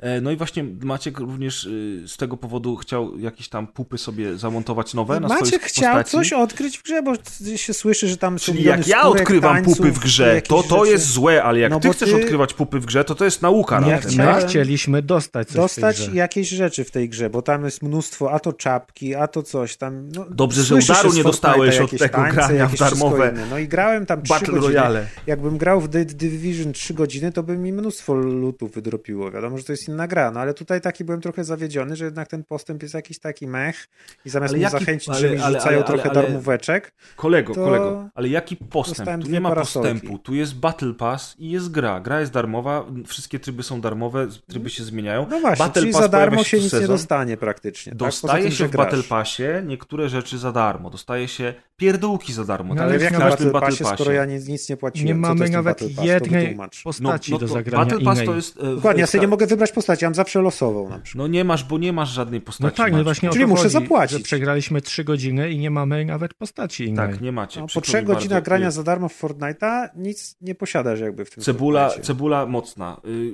Nie cebula mocna, tylko to jest gra, w której trzeba najwyraźniej chyba płacić. No nie wiem, no ja, to, ja mówię, co, co mnie, czym się zawiodłem. Ale, ale czego ty się spodziewałeś? Że będziesz miał ludzików? To nie jest Rainbow Six, gdzie masz Może różnych dostanę chociaż ze dwie skórki, jakieś buty może do przebrania, albo jakąś darmową jedną skórkę. No nie wiem, no pierwszy raz grałem. Człowiek się nasłuchał, że tyle kontentu jest produkowane do tego Fortnite'a i ja pograłem trzy wieczory i nic nie dostałem. dostałeś nie? Apexie, Dobra, to już śpieszę. dają skórki. To już śpieszę Okej, z to wytłumaczeniem. Znaczy, na te lepsze jest mało, mało, mała szansa, ale jest, ale nawet te zwykłe dostajesz. Więc coś tam cały czas cię motywuje, żeby Apex grać dalej. najwyraźniej. No. A, a tutaj faktycznie no, przegraliśmy te trzy godziny i i chyba No poza emotkę- dobrą zabawą nic nie wyniosłem z tego. Gdybym nie słyszał, że y, tam jest tyle rzeczy do tego Fortnite, że są sezony, a teraz są skórki, a teraz są tańce, a teraz każdy ma co, a tamto, a o wam to, no to bym się tego nie spodziewał. A jak się człowiek tyle nasłuchał, to trochę słabo, no byłem zawiedziony, no. Przepraszam, że wybuchłem jakże tym haniebnym śmiechem. Nie przystoi osobie na moim stanowisku taki Na przykład w Path of Exile sobie darmowe grałem i tam tyle rzeczy wypada i kustomizacji i nie trzeba wcale kupować rzeczy. Można kupić, ale też są rzeczy grając za darmo. W grze free to play. Dobrze. Y, Postaram się zrozumieć ciebie i twoją, że tak powiem, perspektywę naukową. I, o, Jadka, bo też jest kątem- zawiedziony. Tak, Adriana również pod tym kątem rzeczywiście możecie mieć odrobinę racji, natomiast e, w Battle Passie dostaje się darmowe rzeczy, tylko że po trzech godzinach niewiele leveli Battle Passa odblokowałeś, mój drogi przyjacielu. A co to jest Battle Pass? Bo mi się to kojarzy z tym takim pasem, gdzie kupujesz y, abonament w grze, żeby mieć online passa, Battle Passa i jakieś Nie, Battle inne pasy. Pass to, Battle Pass to taki, takie płatne coś, w- które dostajesz na, na dany sezon y, gry i podczas grania w, ten sezon odblokowujesz kolejne levele tego Battle Passa, a na każdym z tych leveli, z tych poziomów są nagrody. Tymi nagrodami mogą być chociażby nowe skórki. O ile mnie pamięć nie myli, to na y, etapie 15 Battle Passa w obecnym sezonie jest skórka Lary Croft. Y, Tylko, że żeby odblokować te najlepsze rzeczy w Battle Passie, takie jak właśnie chociażby skórka Lary Croft, należy za niego zapłacić. Natomiast jeżeli nie zapłaciłeś, to, to raz na jakiś czas dla biedaków są takie darmowe rzeczy w Battle Passie typu spray, może czasami emotka, a może czasami chorągiewka, takie biedne rzeczy. I żeby je dostać, musiałbyś grać trochę więcej niż 3 godziny e, i, i tak gówno byś miał, bo nie zapłaciłeś. Mam nadzieję, że wyjaśniłem. Czyli najpierw muszę płacić za Battle Passa, a potem jeszcze za skórkę, Nie, nie, nie, nie, nie. Nie, nie, nie. Płacisz, A. kupujesz Battle Passa i on ci daje to, że co level z tego Battle A, Passa no dobra. dostaniesz I ten nagrodę. Battle Pass się kupuje, ile kosztuje i za i na ile 35, wystarcza? 35 zł i to jest na sezon. Na A sezon, sezon cały. trwa? Yy, nie wiem ile trwa, Nie wiem, ale tydzień, miesiąc, pół roku? Nie, no nie, więcej, kwartał? więcej. Kwartał. Zazwyczaj Kwartał. sezony trwają kwartał. Aha. przy No czym to jeszcze musisz odblokować te rzeczy. No dobra, no ale to przynajmniej coś, jakiś masz postęp. Ale odblokowywujesz czujesz, grając. No tak, Otóż No tak, tak. Oczywiście jest też cała masa skórek, takich jak chociażby Venom, Ghost Rider, e, czy, czy, czy, czy teraz Które Sarah Connor, posiada. Terminator. Ja posiadam Venoma i Ghost Ridera, nie wstydzę się tego, dlatego że zainwestowałem pieniądze w naukę, żeby lepiej poznać y, tematykę Fortnite i móc podzielić się nią z wami oraz ze słuchaczami. I, i czuję się jako mecenas sztuki, y, czuję się dobrze z tym, że zainwestowałem te pieniądze w Venoma i Ghost Ridera. Natomiast faktycznie te pieniądze można inwestować bez końca, dlatego że tam e, i są G.I. Jossy i właśnie postaci z kurde, Aliena. G.I. Joe nie widziałem. Był Alien, No, tak, był Eyes Terminatory. między innymi z G.I. Joe. Są Terminatory, jest Alien, jest Predator, słuchajcie, naprawdę jest zatrzęsienie, to No oni jest... tych marek to mają tyle na wykupowanych, że nie wiem. Ma- e, człowiek sobie dopiero zdaje sprawę, ile oni mają pieniędzy, skoro od tak po prostu kolejne marki dodają i postacie z jakichś znanych uniwersów. Tak, i Maciek, Maciek z, z percepcją godną prawdziwego naukowca słusznie zauważył, że jest to chyba y, najbardziej obfita w tego typu marki gra w historii gier. No miks jest taki od sasa do lasa, nie? Praktycznie masz właśnie od horrorów dla dorosłych i po bajki dla dzieci, więc szeroko idą.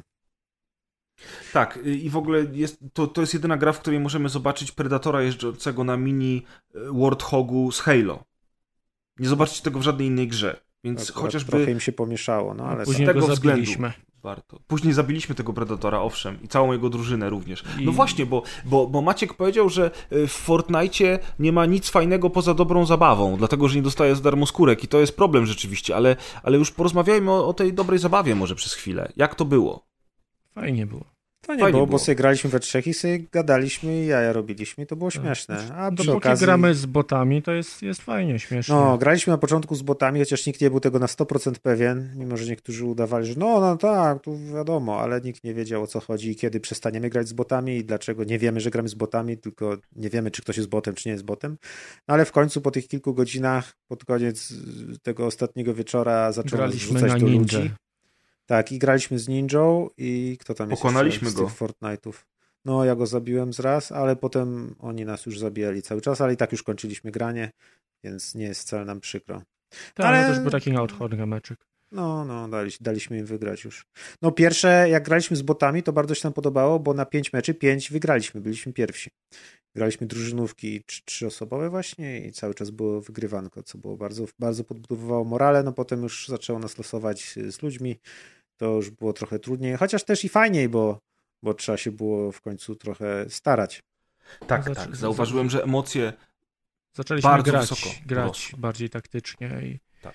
Zaczęliśmy się skupiać, koncentrować. Y, Sam Maciek zauważył w pewnym momencie, że teraz już jest ten moment, kiedy musimy skanować otoczenie, rozglądać się, obserwować, y, czy, jaką mamy pozycję, czy jesteśmy na górce, czy za budynkiem i tak dalej. I rzeczywiście. No ale niestety też widać, yy, bo tak to się chodzi i ten, ta, taka podstawowa nauka jest całkiem prosta, żeby tam ogarnąć co to, jak to wygląda, zarządzanie ekwipunkiem, a jak się buduje, a jaka broń do czego tam powiedzmy służy, jak strzela, jak działa amunicja, leczenie się, tarcze i takie tam rzeczy.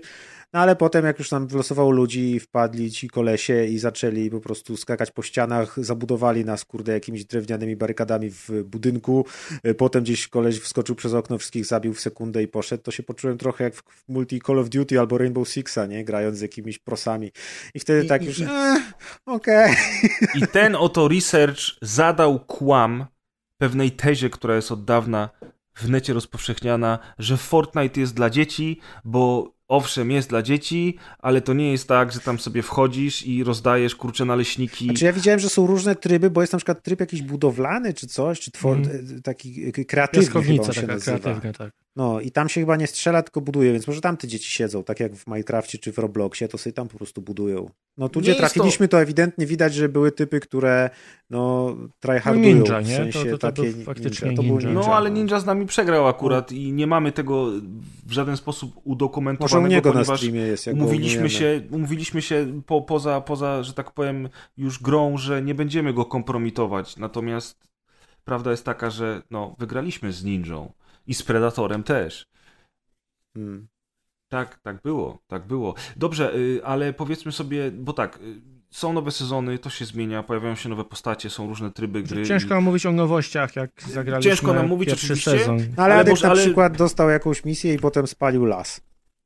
Tak, Adek rzucił y, czymś wybuchającym i spalił pół lasu, A, co było bardzo nieładne. szeryfa, a co tam jeszcze Tak, się ja wynająłem szeryfa, a jeszcze Adek tam pomagał by- Acapulco, motorówką. A tak, motorówką Tak, pływaliśmy. Dziwnie Ja mogę, ja mogę się wypowiedzieć o nowościach tylko dla, dlatego, że w zeszłym roku y, grałem y, z, z szanownym naszym kolegą Kuldanem y, w, w tryb, gdzie był Marvel i gdzie byli superbohaterowie. I tam na przykład był taki tryb, w którym walczyło się używając różnych zdolności specjalnych superbohaterskich. Można było mieć więc lasery, można było mieć szpony Wolverina, można było mieć moce Storm i tak dalej. I to było bardzo fajne. Tego teraz nie ma oczywiście, ponieważ wraz z sezonami zmieniają się te tryby i te nowości.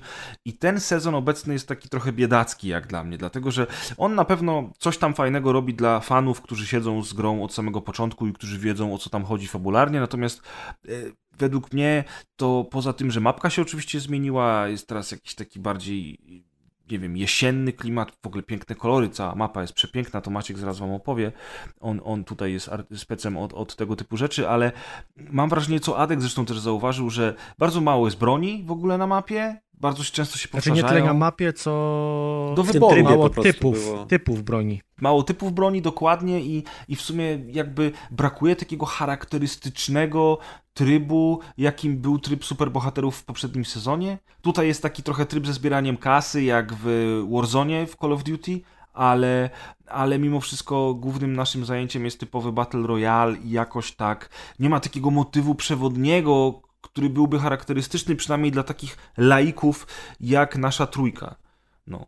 Co nie zmienia faktu, że oczywiście bawiliśmy się bardzo dobrze i jak przestaliśmy walczyć z botami, pojawili się prawdziwi gracze, w tym Ninja, którego pokonaliśmy, jak już e, zauważyliśmy wielokrotnie, to, y, to po prostu zabawa była przednia i mimo tego, że nagle z pierwszego miejsca zaczęliśmy lądować na czwartym miejscu, na piątym miejscu, to i tak bawiliśmy się bardzo dobrze.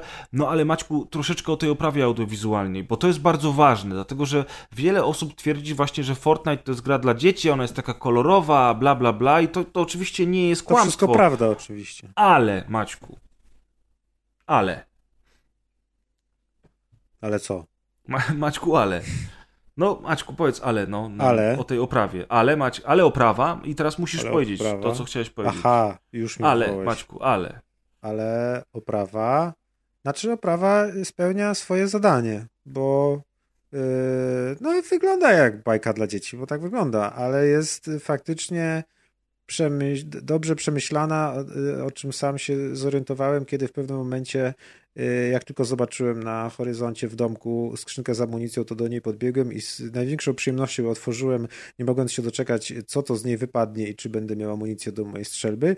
I wtedy właśnie powiedziałem chłopakom, że no faktycznie z wielką przyjemnością, y, jak tylko widzę tą skrzyneczkę, która jest tak zaprojektowana, jakby, że jakby, no, ten, ten, ca, cała ta grafika jest jakby przejrzysta, przyjemna i rzeczywiście jest y, mega jakby, jak to powiedzieć, no, taka właśnie dla gracza, ma być jak najprzyjemniejsza dla gracza, także ja po prostu z przyjemnością otwierałem jakieś kolejne skrzynki i one są wszystkie takie cute, sweetaśne i mają te wszystkie efekty dźwiękowe i, i wszystko, te ikonki są y, czytelne, od razu z daleka widać, czy gdzieś leży strzelba, czy amunicja do pistoletu maszynowego, czy strzała i tak dalej, czy na przykład harpun, który u nas Adrian był mistrzem harpuna i po prostu Tak to, co on jest. z harpunem wyczyniał. Jak on ninja na harpun złapał, to ninja nie wiedział, Mhm. co się dzieje po prostu. Mhm.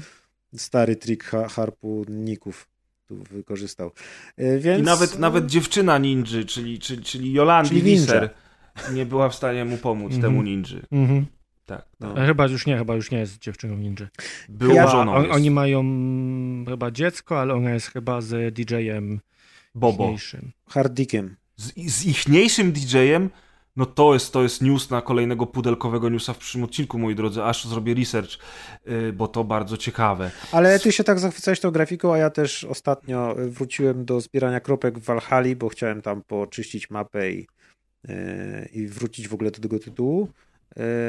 No i ty tam, nie wiem, w tym Fortnite tak się zachwycałeś nad zasięgiem widzenia albo coś, a to i w Valhalla też jest taki zasięg widzenia, to że w, w, prostszej grafice to jest jakby technicznie w tym Fortnite nie ma nic y, wyjątkowego. Ja tam tylko zachwalałem, że rzeczywiście ten art nie, style nie, się sprawdza on, w On no, technicznie on technicznie nie, nie, nie jest wyjątkowy. Co więcej, ta gra w ogóle moim zdaniem ma bardzo kiepską optymalizację e, i duże skoki płynności w dół.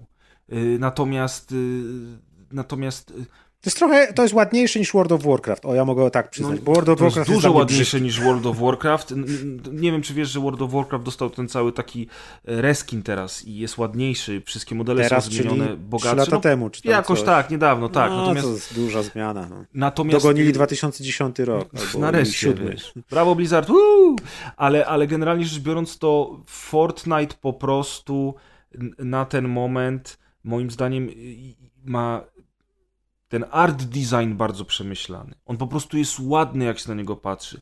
Postaci mają piękne o. animacje. To jest ładne w ruchu te całe otoczenie mhm. jest bardzo ładne. Tutaj kominy, wiesz, z dymem, tam las, tutaj rzeka. To wszystko rzeka. jest bardzo mądrze, spójnie przemyślane. No między, między innymi dlatego oni taki wielki sukces odnieśli, ale rzeczywiście ja się kompletnie nie dziwię, że y, dzieciaki sobie y, po prostu spędzają czas w tym Fortnite, bo tam rzeczywiście to nie jest taki, znaczy nie wiem jakie są inne Battle Royale, ale mi się zawsze Battle Royale kojarzyło, że jesteś zrzucany z, z, z samolotu i masz wszystkich zabić na dole. A tu się okazuje, że właśnie, a tu są jakieś mini questy, a tu są jakieś znajdźki w lokacji, że możesz szukać. Czyli to nie jest tylko tak, że łapiesz karabin i się chowasz i strzelasz, tylko tam, gdzie wylądujesz, to jeszcze masz jakieś mini zadania, jakieś mini coś. Plus jeszcze rzeczywiście, jeśli jest tam jakieś do tego lore i się przy każdym sezonie zmienia, jest jakiś temat przewodni, a teraz, nie wiem, zbieramy jajka wielkanocne, a teraz coś tam i ten, to tam jest wciul roboty i nie dziwię się, że to jest trochę taki, powiedzmy, jakby Second Life że to jest y, gra w strzelanie, ale też w budowanie, ale też w zbieranie, ale też w śledzenie historii, a też tu jest czasem jakiś koncert, a tu coś tam, tu coś tam. I zrobił się z tego właśnie jakiś taki po prostu wirtualny, w sensie, że cyfrowy y, chatroom, czy miejsce spotkań właśnie takie, gdzie jeszcze masz interakcję, a przy okazji jest jakaś gra, ale możesz grać w tym trybie takim, gdzie się prawdopodobnie nie strzelasz, tylko sobie tworzysz i coś tam.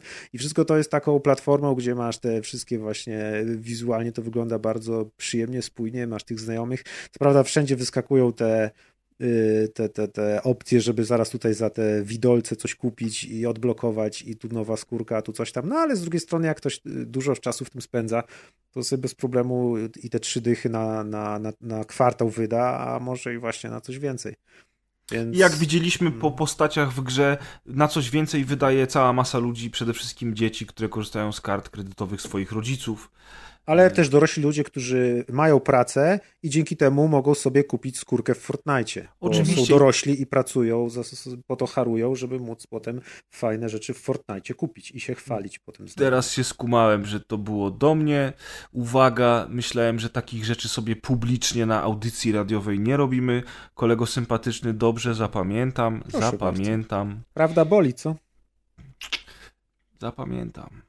No cóż, y, w dużym skrócie my się bawimy bardzo dobrze. Na pewno wrócimy do Fortnite'a. Nie, nie jest to może bez gra przesady wybitna. Już. Jak no. już nas na ludzi rzuca, to już nie jest aż taka fajna zabawa. No bez przesady. Właśnie jak zaczęło nas rzucać na ludzi, to się dopiero fajnie zaczęło robić tak naprawdę, bo trzeba trochę główkować. Zresztą sam to powiedziałeś. Ja wiem, że, że Maciej bardzo szybko się zniechęca i bierze się za kolejny projekt i kolejny research, ale mam nadzieję, że jeszcze trochę pogramy. Ja zresztą, to nie jest moje pierwsze tango z Fortnite'em, zwłaszcza, że czeka nas jeszcze ten, ten tryb kooperacyjny z całą kampanią. No tak. Mm, który na pewno sprawdzimy i przy okazji o nim opowiemy. Więc będzie dalsza część raportu z Fortnite'a dla wszystkich, Myślę, że regularnie nie wiedzą, o co wrzucimy chodzi. kącik Fortnite'owy do podcastu. A... Wiemy, że bardzo wiele osób o to prosiło, a my słuchamy naszych, naszych fanów i, i, i, planujemy taki kącik na pewno. Zastanawiamy się nawet nad podstroną na naszej stronie internetowej www.rozgrywkapodcast.pl, gdzie będzie Kas tylko będzie Fortnite. chyba prowadzić z tego co Kas słyszałem. mówił tak, że on by chciał moderować i, i bardzo chętnie też, też będzie moderował forum Fortnite'owe, które jest w planach, w związku z czym bądźcie czujni, to nie, był, to nie było nasze ostatnie słowo, dokładnie, dzieje się, dzieje się, tak. E, powiedz mi Grzegorzu, jak tam uścisk matki? Matka jest tylko jedna, moi drodzy. A czyja? I, i, i, i, i to, Rosja y, matka. Masy, A. tak, tak. I, i, i, i- i jak jest tylko jedna w lodówce flaszka, to też się mówi matka, jest tylko jedna i wtedy trzeba iść do sklepu. Mm, A jest też matka y, i jej uścisk w, w Arkham Horror, czyli, czyli, czyli po polsku Horror w Arkham. Jest to gra planszowa, e, którą wydaje Asmodee. Asmodee Digital z kolei lubi sobie te gry planszowe przerabiać na gry komputerowe. I tak też się stało z y, horrorem w Arkham, który pojawił się dzisiaj, dosłownie dzisiaj, w sklepach y, za niecałe 70 zł i jest dywagacją na temat gry planszowej Horror w Arkham w wersji dla jednego gracza. I to jest bardzo duże zaskoczenie, dlatego też się w ogóle tą grą zainteresowałem. Dlatego, że ja stronię od gier planszowych na komputerze. Czasami mi się zdarza pograć, ale jakikolwiek talizman czy inna tego typu gra przeniesiona na komputer bardzo często e, nie jest tym samym, czy, e, czym, czym jest granie po Mhm. prostu w realu, prawda? Ja też Takie- kilka razy właśnie się, nawet chyba talizmana kupiłem czy coś, bo sobie myślę, ale to fajnie wygląda, te animacje są fajne, no normalnie taki talizman, tylko że w komputerze, więc wygodniejszy, plus można grać ze znajomymi online i też chyba ani razu nie odpaliłem czy coś. To jest jednak ta fizyczność gier właśnie planszowych, Tak, czy karcianych jest, czy bitewnych jest czymś, co nie, nie da się tego interakcja jest zastąpić. najważniejsza, to, to bycie z, z ludźmi No obok. bycie też, ale też jakby, żeby mieć w ręku. Te karty. Zupełnie inaczej wyglądają, jakie masz w ręku, a jak są wyświetlane na monitorze. Jak tu coś Czy nie doczytasz, tu coś źle się przesuniesz, tutaj się zastanawiacie, jak to faktycznie ma zadziałać, to też swoje robi. Mm. Tak, tak, tak. Więc no, no, i, no i faktycznie to obcowanie z fizycznym e, jest, e, jest, jest bardzo przyjemne.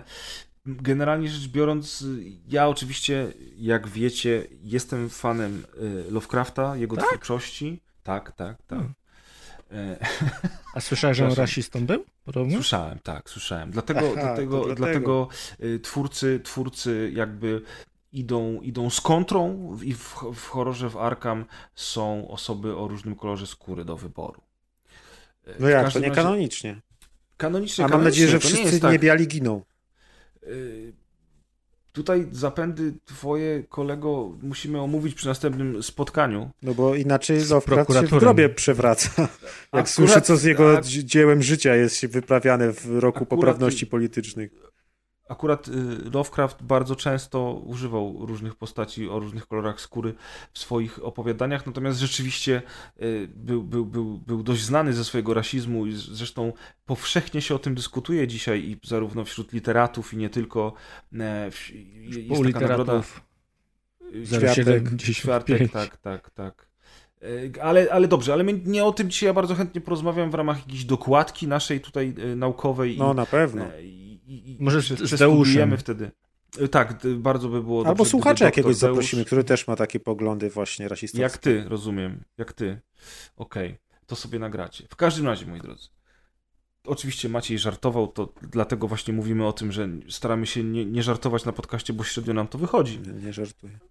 E, Ale po kolei. Jako fan Lovecrafta bardzo lubię wracać do jego książek i bardzo cieszę się, że mimo tego, że adaptacje filmowe nie mają za, za bardzo szczęścia, to, to jed... i growe zresztą też, te takie growe, growe, y, komputerowe, to jednak te, te Ten Lighthouse był super, podobno. Tak, ale wiesz, ale tutaj mowa jednak o takich dosłownych adaptacjach, Okej, dobra, dobra. czy bardziej dosłownych, a nie takich, które się Mhm. po prostu, wiesz, Takie jakby wzorują, prawda? Wprost, tak? To jest w tytule, Tak, tak, tak. bohaterami, okej. I, i, I właśnie e, planszówki mają się na tym polu bardzo dobrze. Ja y, grałem y, przede wszystkim w Posiadłość Szaleństwa, która jest bardzo fabularna i polecam wszystkim tę planszówkę, chociaż jest dosyć skomplikowana. Następnie w Pandemic Cthulhu, które jest taką dy dywagacją na temat y, planszówki Pandemic, ale w świecie Lovecrafta i tam fabuły praktycznie nie ma. To jest prosta gra, bardzo przyjemna, bardzo fajna, jeżeli chodzi o kooperację, ale niezbyt rozbudowana, gdy idzie o takie fabularne rzeczy, a przecież w Lovecrafcie fabuła jest najważniejsza. I mam również i polecam wszystkim, mówiłem zresztą o tym na podcaście, Cthulhu Even Death May Die, czy też Death May Die, y, które jest świetną, świetną planszówką, ale znowuż, owszem, tam są zadania, jest podział na role, ale to nie jest zbytnio fabularne. No i teraz dlatego ja, też... Ja, ja też się pochwalę, bo ja gram regularnie w Call of Cthulhu e, sesję RPG. I, i, I, graliśmy sobie w latach dwudziestych, teraz gramy sobie w latach współczesnych i praktycznie co tydzień, co dwa tygodnie się spotykamy internetowo oczywiście w gronie znajomych i, i przeżywamy kolejne przygody. I nigdy nie, nie, nigdy nie dostałem zaproszenia. Dostałeś. No nie wiem. Nie, ja wiem. Sprawdzałem pocztę. I nie no, oczywiście, że dostałem, ale jak się wprosiłem, bo ty, kolego sympatyczny, to jakoś nie mówisz o tym, że gracie. Ja no rozumiem, no że zżera cię zazdrość. Często wszystkie moje fakultety. Że chcesz, regularnie gra. I teraz wszystkie gramy regularnie fakultety. sobie w jednej drużynie. Już nie szukamy nowych graczy. Jest pełno już, komplet. Mhm. Maćku, tak? Maćku, proszę cię. O co? To jest bardzo wrażliwy dla mnie temat. Proszę no, nie wtrącaj się. No, ale być może są słuchacze, z którymi będziesz mógł też sobie zagrać, więc niech się odzywają do Grzesia słuchacze. bezpośrednio i sobie pykniecie sesyjkę. Dziękuję, dziękuję.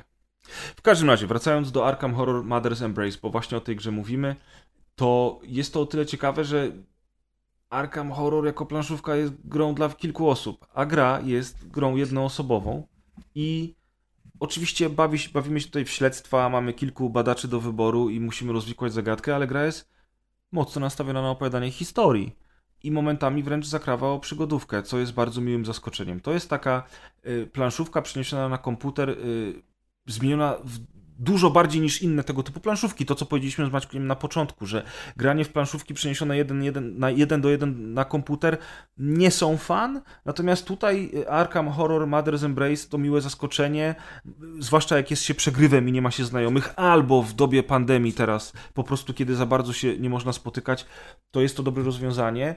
I Graficznie szału nie ma, ale jest klimatycznie, jest bardzo przyjemna muzyka. Wszystkie kwestie dialogowe są nagrane przez profesjonalnych aktorów, którzy, którzy naprawdę dają radę i, i po prostu gra się w to przyjemnie. To jest taka, to jest taki trochę point and click, gdzie mamy oczywiście ten czynnik szaleństwa, mamy mytos, mamy różne statystyki, które wpływają na to, jak prowadzimy to śledztwo, bo ktoś będzie lepszy manualnie, a ktoś będzie lepszy właśnie w rozkminianiu takich różnych rzeczy, a między tym wszystkim jest jeszcze walka turowa, która nie jest może wybitna, mm, jest bardzo, bardzo prosta.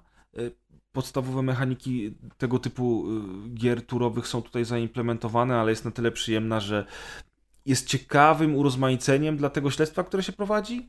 Śledztwo jest, jest całkiem przyjemne, ciekawe, w ogóle z bardzo fajnym, e, z bardzo fajnym takim mykiem, jeżeli chodzi o narrację. Zaspoiluję wam to, ale tego dowiadujecie się w tutorialu, więc jakby no po, po pierwszych nie, 10 minutach spoiler, gry, po pierwszych 10 minutach gry to wiecie, a mianowicie osoba, która jakby tego, tego, tego badacza, którego, wzy, którego, w którego my się wcielamy, jednego z kilku badaczy, yy, która wzywa do siebie taka pewna pani, starsza pani profesor, yy, zostaje zamordowana i my idąc do niej jakby dowiedzieć się, co, czego ona od nas chce, słuchamy jej jako narratorki i ona sama w trakcie tutoriala dowiaduje się o tym, że ona nie żyje, co jest dla niej takim samym zaskoczeniem, jak jest zaskoczeniem dla gracza i ta pani profesor potem nadal komentuje cały czas jako narrator wydarzenia widoczne na ekranie, ale my ją słyszymy jako gracz, nie słyszą jej bohaterowie. I to jest super, moim zdaniem, super fabularny myk, który jest niesamowicie przyjemnym łamaniem czwartej ściany i po prostu taką, takim miłym y, urozmaiceniem. Więc y, bardzo, bardzo miło się zaskoczyłem. Nie jest to gra wybitna, ale, ale jest na tyle przyjemna, że jeżeli jesteście fanami Lovecrafta, to warto zagrać y, i samemu ocenić, jak to przeniesienie planszówki w trochę innej formie na komputery i konsole się udało. Także obczajcie Arkham Horror Mother's Embrace. A my pozostajemy w klimatach Lovecrafta i przechodzimy do gry, która nazywa się Chronicle of Innsmouth Mountains of Madness. E, I to jest z kolei typowa gra przygodowa point and click, taka, która wręcz oddaje hołd starym przygodówkom. Twórcy zrobili kilka lat temu grę, która nazywała się po prostu Chronicle of Innsmouth i była LucasArtową, wręcz LucasArtsową wręcz przygodówką z bardzo podobnym interfejsem, która po prostu jakby klimat tych starych gier wylewał się z ekranu. O to chodziło twórcom z Psychodev. Ale niekoniecznie o to mi chodziło, bo jak bo ja nie grałem w jedynkę i jak patrzę na nią, to nie wiem, czy mam ochotę zagrać. Ona oczywiście fabularnie jest spoko, wszystkie w ogóle kwestie dialogowe są nagrane przez aktorów, co jest, co jest ekstra, bo zazwyczaj w tego typu przygodówkach tak nie było, nie w każdej, e, a tutaj tak jest i, i, I generalnie rzecz biorąc, fabularnie jest spoko. Widać, że twórcy bardzo, bardzo mocno siedzą w Lovecraftie, ale wizualnie i gameplayowo to jest coś, co naprawdę zakrawa już o, o ekshumację zwłok, co w sumie z Lovecraftem się kojarzy, więc może i dobrze. Na szczęście twórcy e, e, podesłali nam ostatnio kluczyk na, na, na, na sequel tej gry i sequel nazywa się Chronicle of Innsmouth Mountains of Madness ma premierę również dzisiaj, czyli mamy dwie gry Lovecrafta, wow. które mają premierę tego samego dnia. Nieźle. Nieźle, tak, jak najbardziej. No widzę, nieźle. że na YouTube już jest całe walkthrough. Ale z jedynki, mój drogi, nie, nie z no. dwójki. Mountains of Madness też tak. oglądam. Dzisiaj. O to proszę. 23 marca dzisiaj. A, czyli dzisiaj Można się za darmo całą grę obejrzeć bez płacenia ani złotów. Tak, no więc jakby sequel jest, Maćku, ale y, twoje podejście, drogi przyjacielu, Y, naukowcze czasami mnie zaskakuje. Ale jak ty możesz, czasem chce oglądać. Jak ty możesz ludziom oglądać. kazać oglądać, a nie grać? Najpierw Fortnite i skórki, a teraz gameplaye będziesz Możesz na YouTube oglądał. Możesz na przykład sobie nogi myć w tym czasie i oglądać na tablecie. O, właśnie.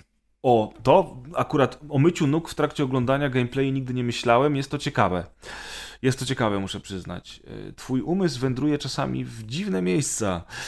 W każdym razie. Nogi nie są dziwne. Miski też w sumie nie są dziwne. W każdym razie w dziwne miejsca wędruje y, główny bohater, detektyw y, Carter, y, który też jest zresztą postacią z pierwszej gry. W dziwne miejsca ląduje, bo odtwarza on w Mountains of Madness troszeczkę nowelkę w Górach Szaleństwa Lovecrafta. W ogóle wprowadzenie jest o tym. E, pokazuje, co się dzieje z pierwszą ekspedycją, która była opisana w, w nowelce w Górach Szaleństwa, ale miesza to w ciekawy sposób po prostu ze światem Lovecrafta, właśnie z Innsmouth, z wydarzeniami z poprzedniej części i twórcy odwalają kawał świetnej roboty, tworząc tę grę fabularnie. Jest tutaj klimatycznie, e, są ładne widoki, są naprawdę niezłe dialogi zagrane przez całkiem niezłych aktorów. To nie jest poziom e, horroru Arkham. Widać, że, że, że, że po prostu Asmodee Digital miało pieniądze na to, żeby zatrudnić profesjonalnych, profesjonalnych aktorów, a Psycho Dev, które samo stworzyło i wydaje Mountains of Madness, niekoniecznie. Natomiast ma to nawet swój urok, bo ci aktorzy są tacy, no powiedzmy, że półprofesjonalni, ale dość klimatyczni, fajnie się ich słucha.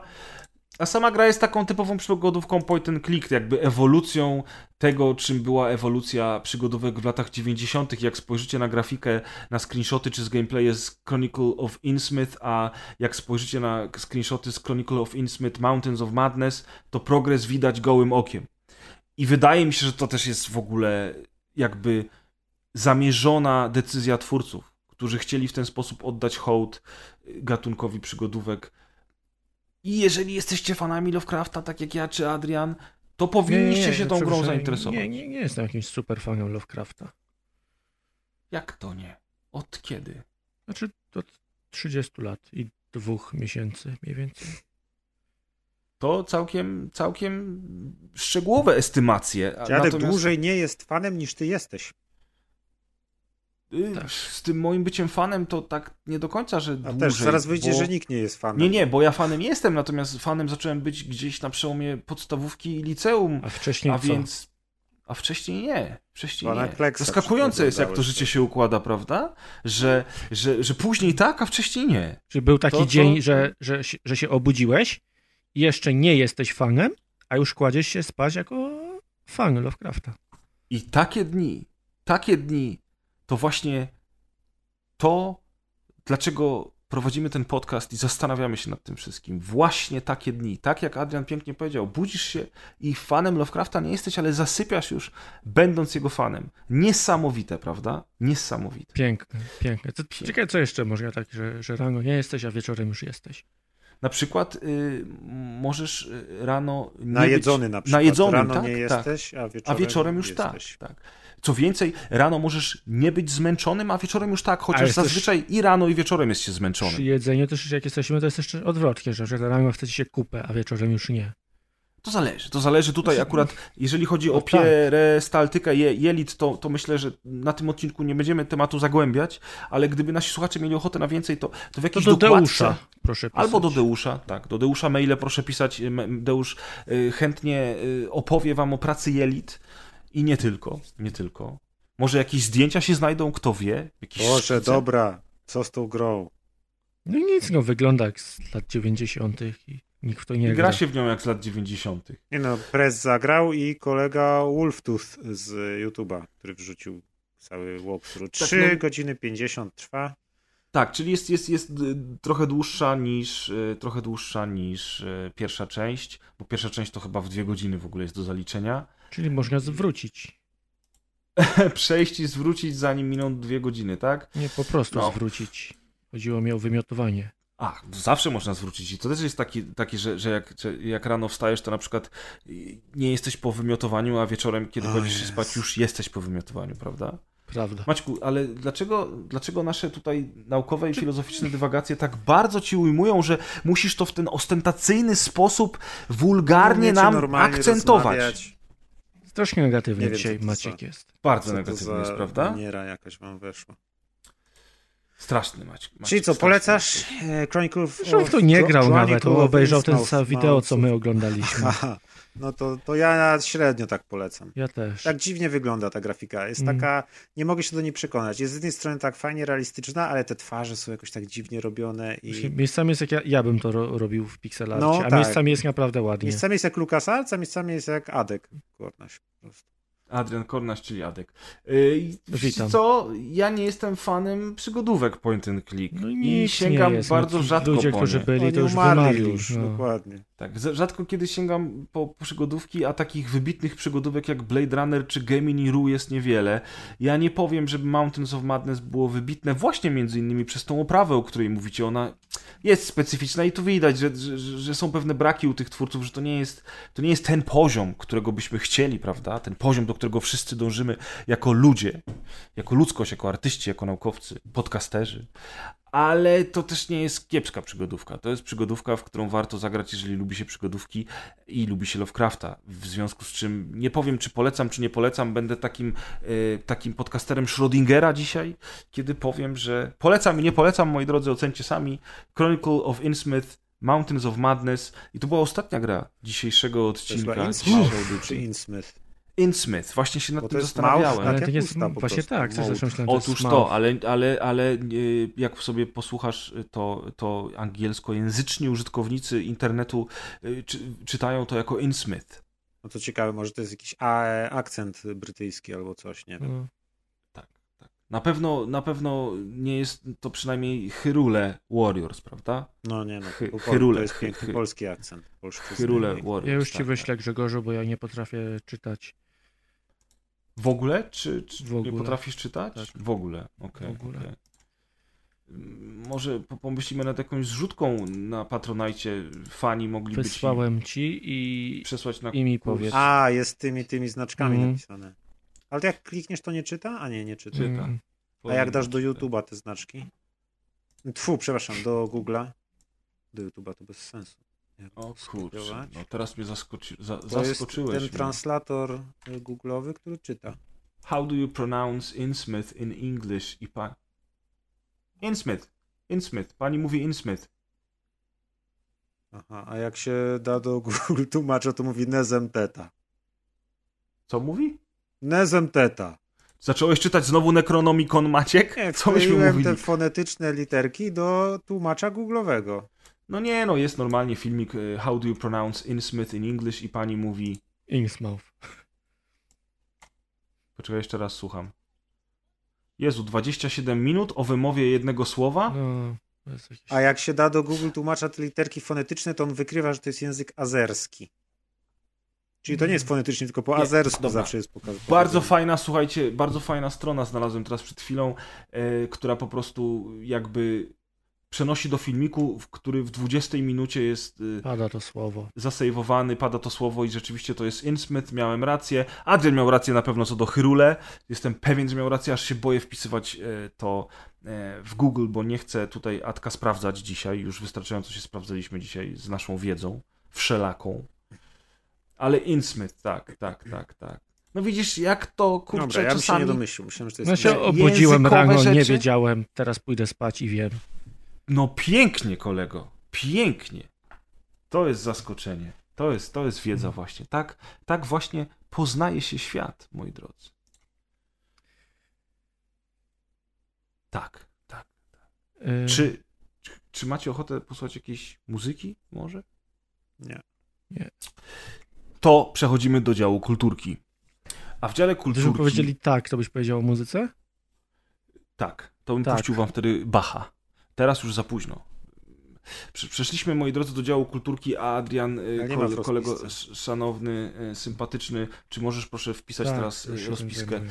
Jest, jest to, moi drodzy, ten moment, w którym zaczyna się dział kulturka, a w nim Zack Snyder's cut filmu Justice League, czyli Liga Sprawiedliwości. O, to ciekawe, świeżynka dopiero. To jest, świeżynka, pr- nie tak świeże jak Chronicles of Innsmouth, ale prawie tak.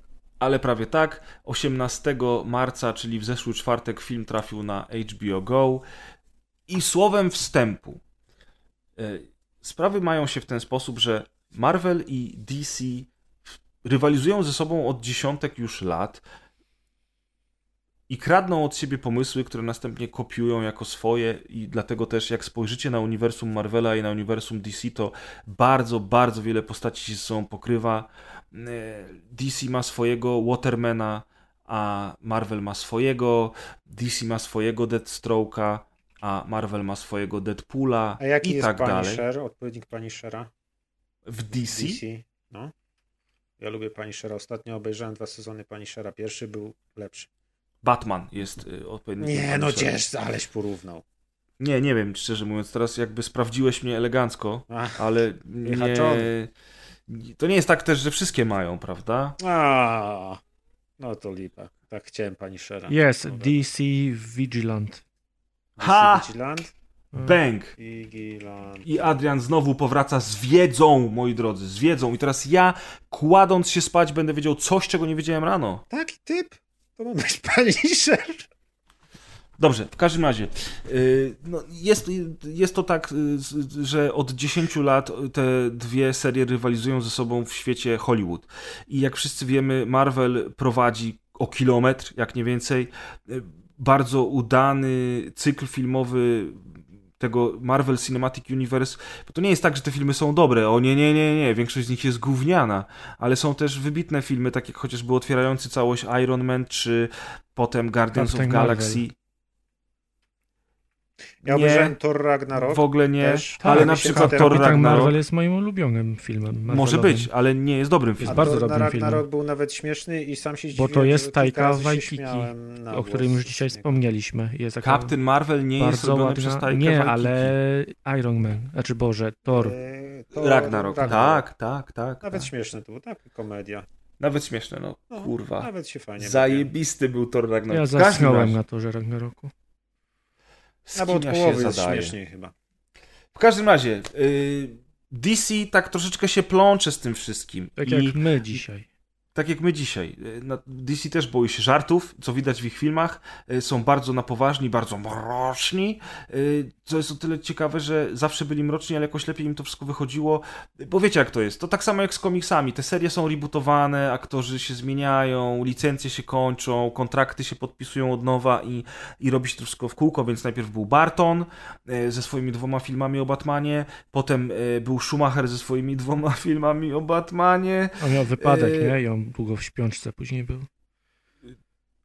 Tak, ale słyszałem, że Ninja często przychodzi do niego i czyta mu Secret Service i on teraz z nim jest lepiej, więc, więc tak. W każdym razie, idąc dalej z Batmanem, potem była trylogia Nolana, która była huho, mroczna, ale takie na poważnie, To jest, ho, ho, to jest kurwa. śmieszne, bo ja tamtych cykli w ogóle nie kojarzę z taką y, masówką DC. W sensie to wszystko było Bo wiadomo wtedy tego nie było DC. jeszcze tak. Tak, ale to wtedy nie było jeszcze takie, że tworzymy uniwersum, nie? I ja te wszystkie Tak, właśnie tak. stare filmy Batmanowe z Kilmerem, z, z wszystkimi tymi innymi, czy, czy nawet te Nolana, to są dla mnie po prostu odrębne byty. Odrębne, no, dokładnie. Tak, i tak, tak zawsze było, Jeszcze natomiast Pamiętam, prawie Superman zawsze. jakiś taki był dziwny z tym takim aktorem, który potem już tam nie, nie grał Supermana. Tak, Brandon Ruth się nazywał ten Superman aktor. Powrót z 2006, tak. Tak, tak, tak. Jakieś takie, takie jedne strzały, które potem nikły i... No ale Marvel też, się, Marvel też się bardzo długo bujał, przecież były takie filmy jak Elektra, Daredevil, które nie były jakimś A, uniwersum tak. i dopiero później, dopiero później jakby ktoś wpadł na pomysł, żeby kurczę, skoro mamy całe serie komiksowe, to może zróbmy serię filmową i Marvelowi to się udało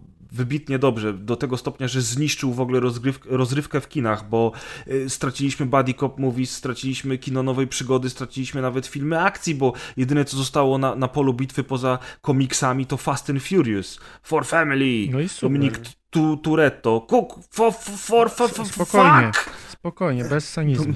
To Przepraszam, przepraszam. Wiesz że, wiesz, że jeżeli chodzi o popkulturę, to czasami dam się ponieść emocją. A jeśli W każdym- chodzi o sanizm, to tym bardziej. mm, Otóż to. Ja W każdym razie, mhm. w każdym razie, y, DC się miotał bardzo mocno i nie był w stanie nadążyć za, za Marvelem, ale to też było bardzo dużo decyzji producentów. Decyzji producentów, które były kretyńskie, bardzo często szkodzące tym filmom, przez co wiele filmów było ciętych, zmieniali się rezy... Re, rezy Adrian, pomożesz?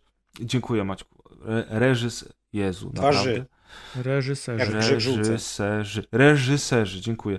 Zmieniali się właśnie ci ludzie, co, co, co reżyserują. E, I, i, i, i- I dokrętki, niedokrętki. Większość tych filmów była bardzo mocno przeciętna.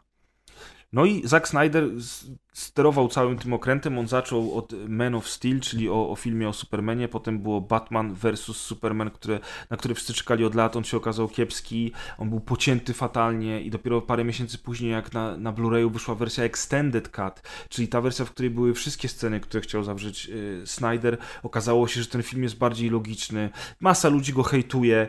Ja nie byłem fanem, nie byłem zachwycony po, po, po, po, po, po seansie, chociaż czekałem na ten film bardzo długo, ale jak obejrzyłem Extended Cut, to uznałem, że okej, ten film teraz się broni, jest spoko, nie jest wybitny, ale jest spoko. Ja uwielbiam Bena Afflecka jako Batmana. Uważam, że Batfleck jest naprawdę dobrym Batmanem.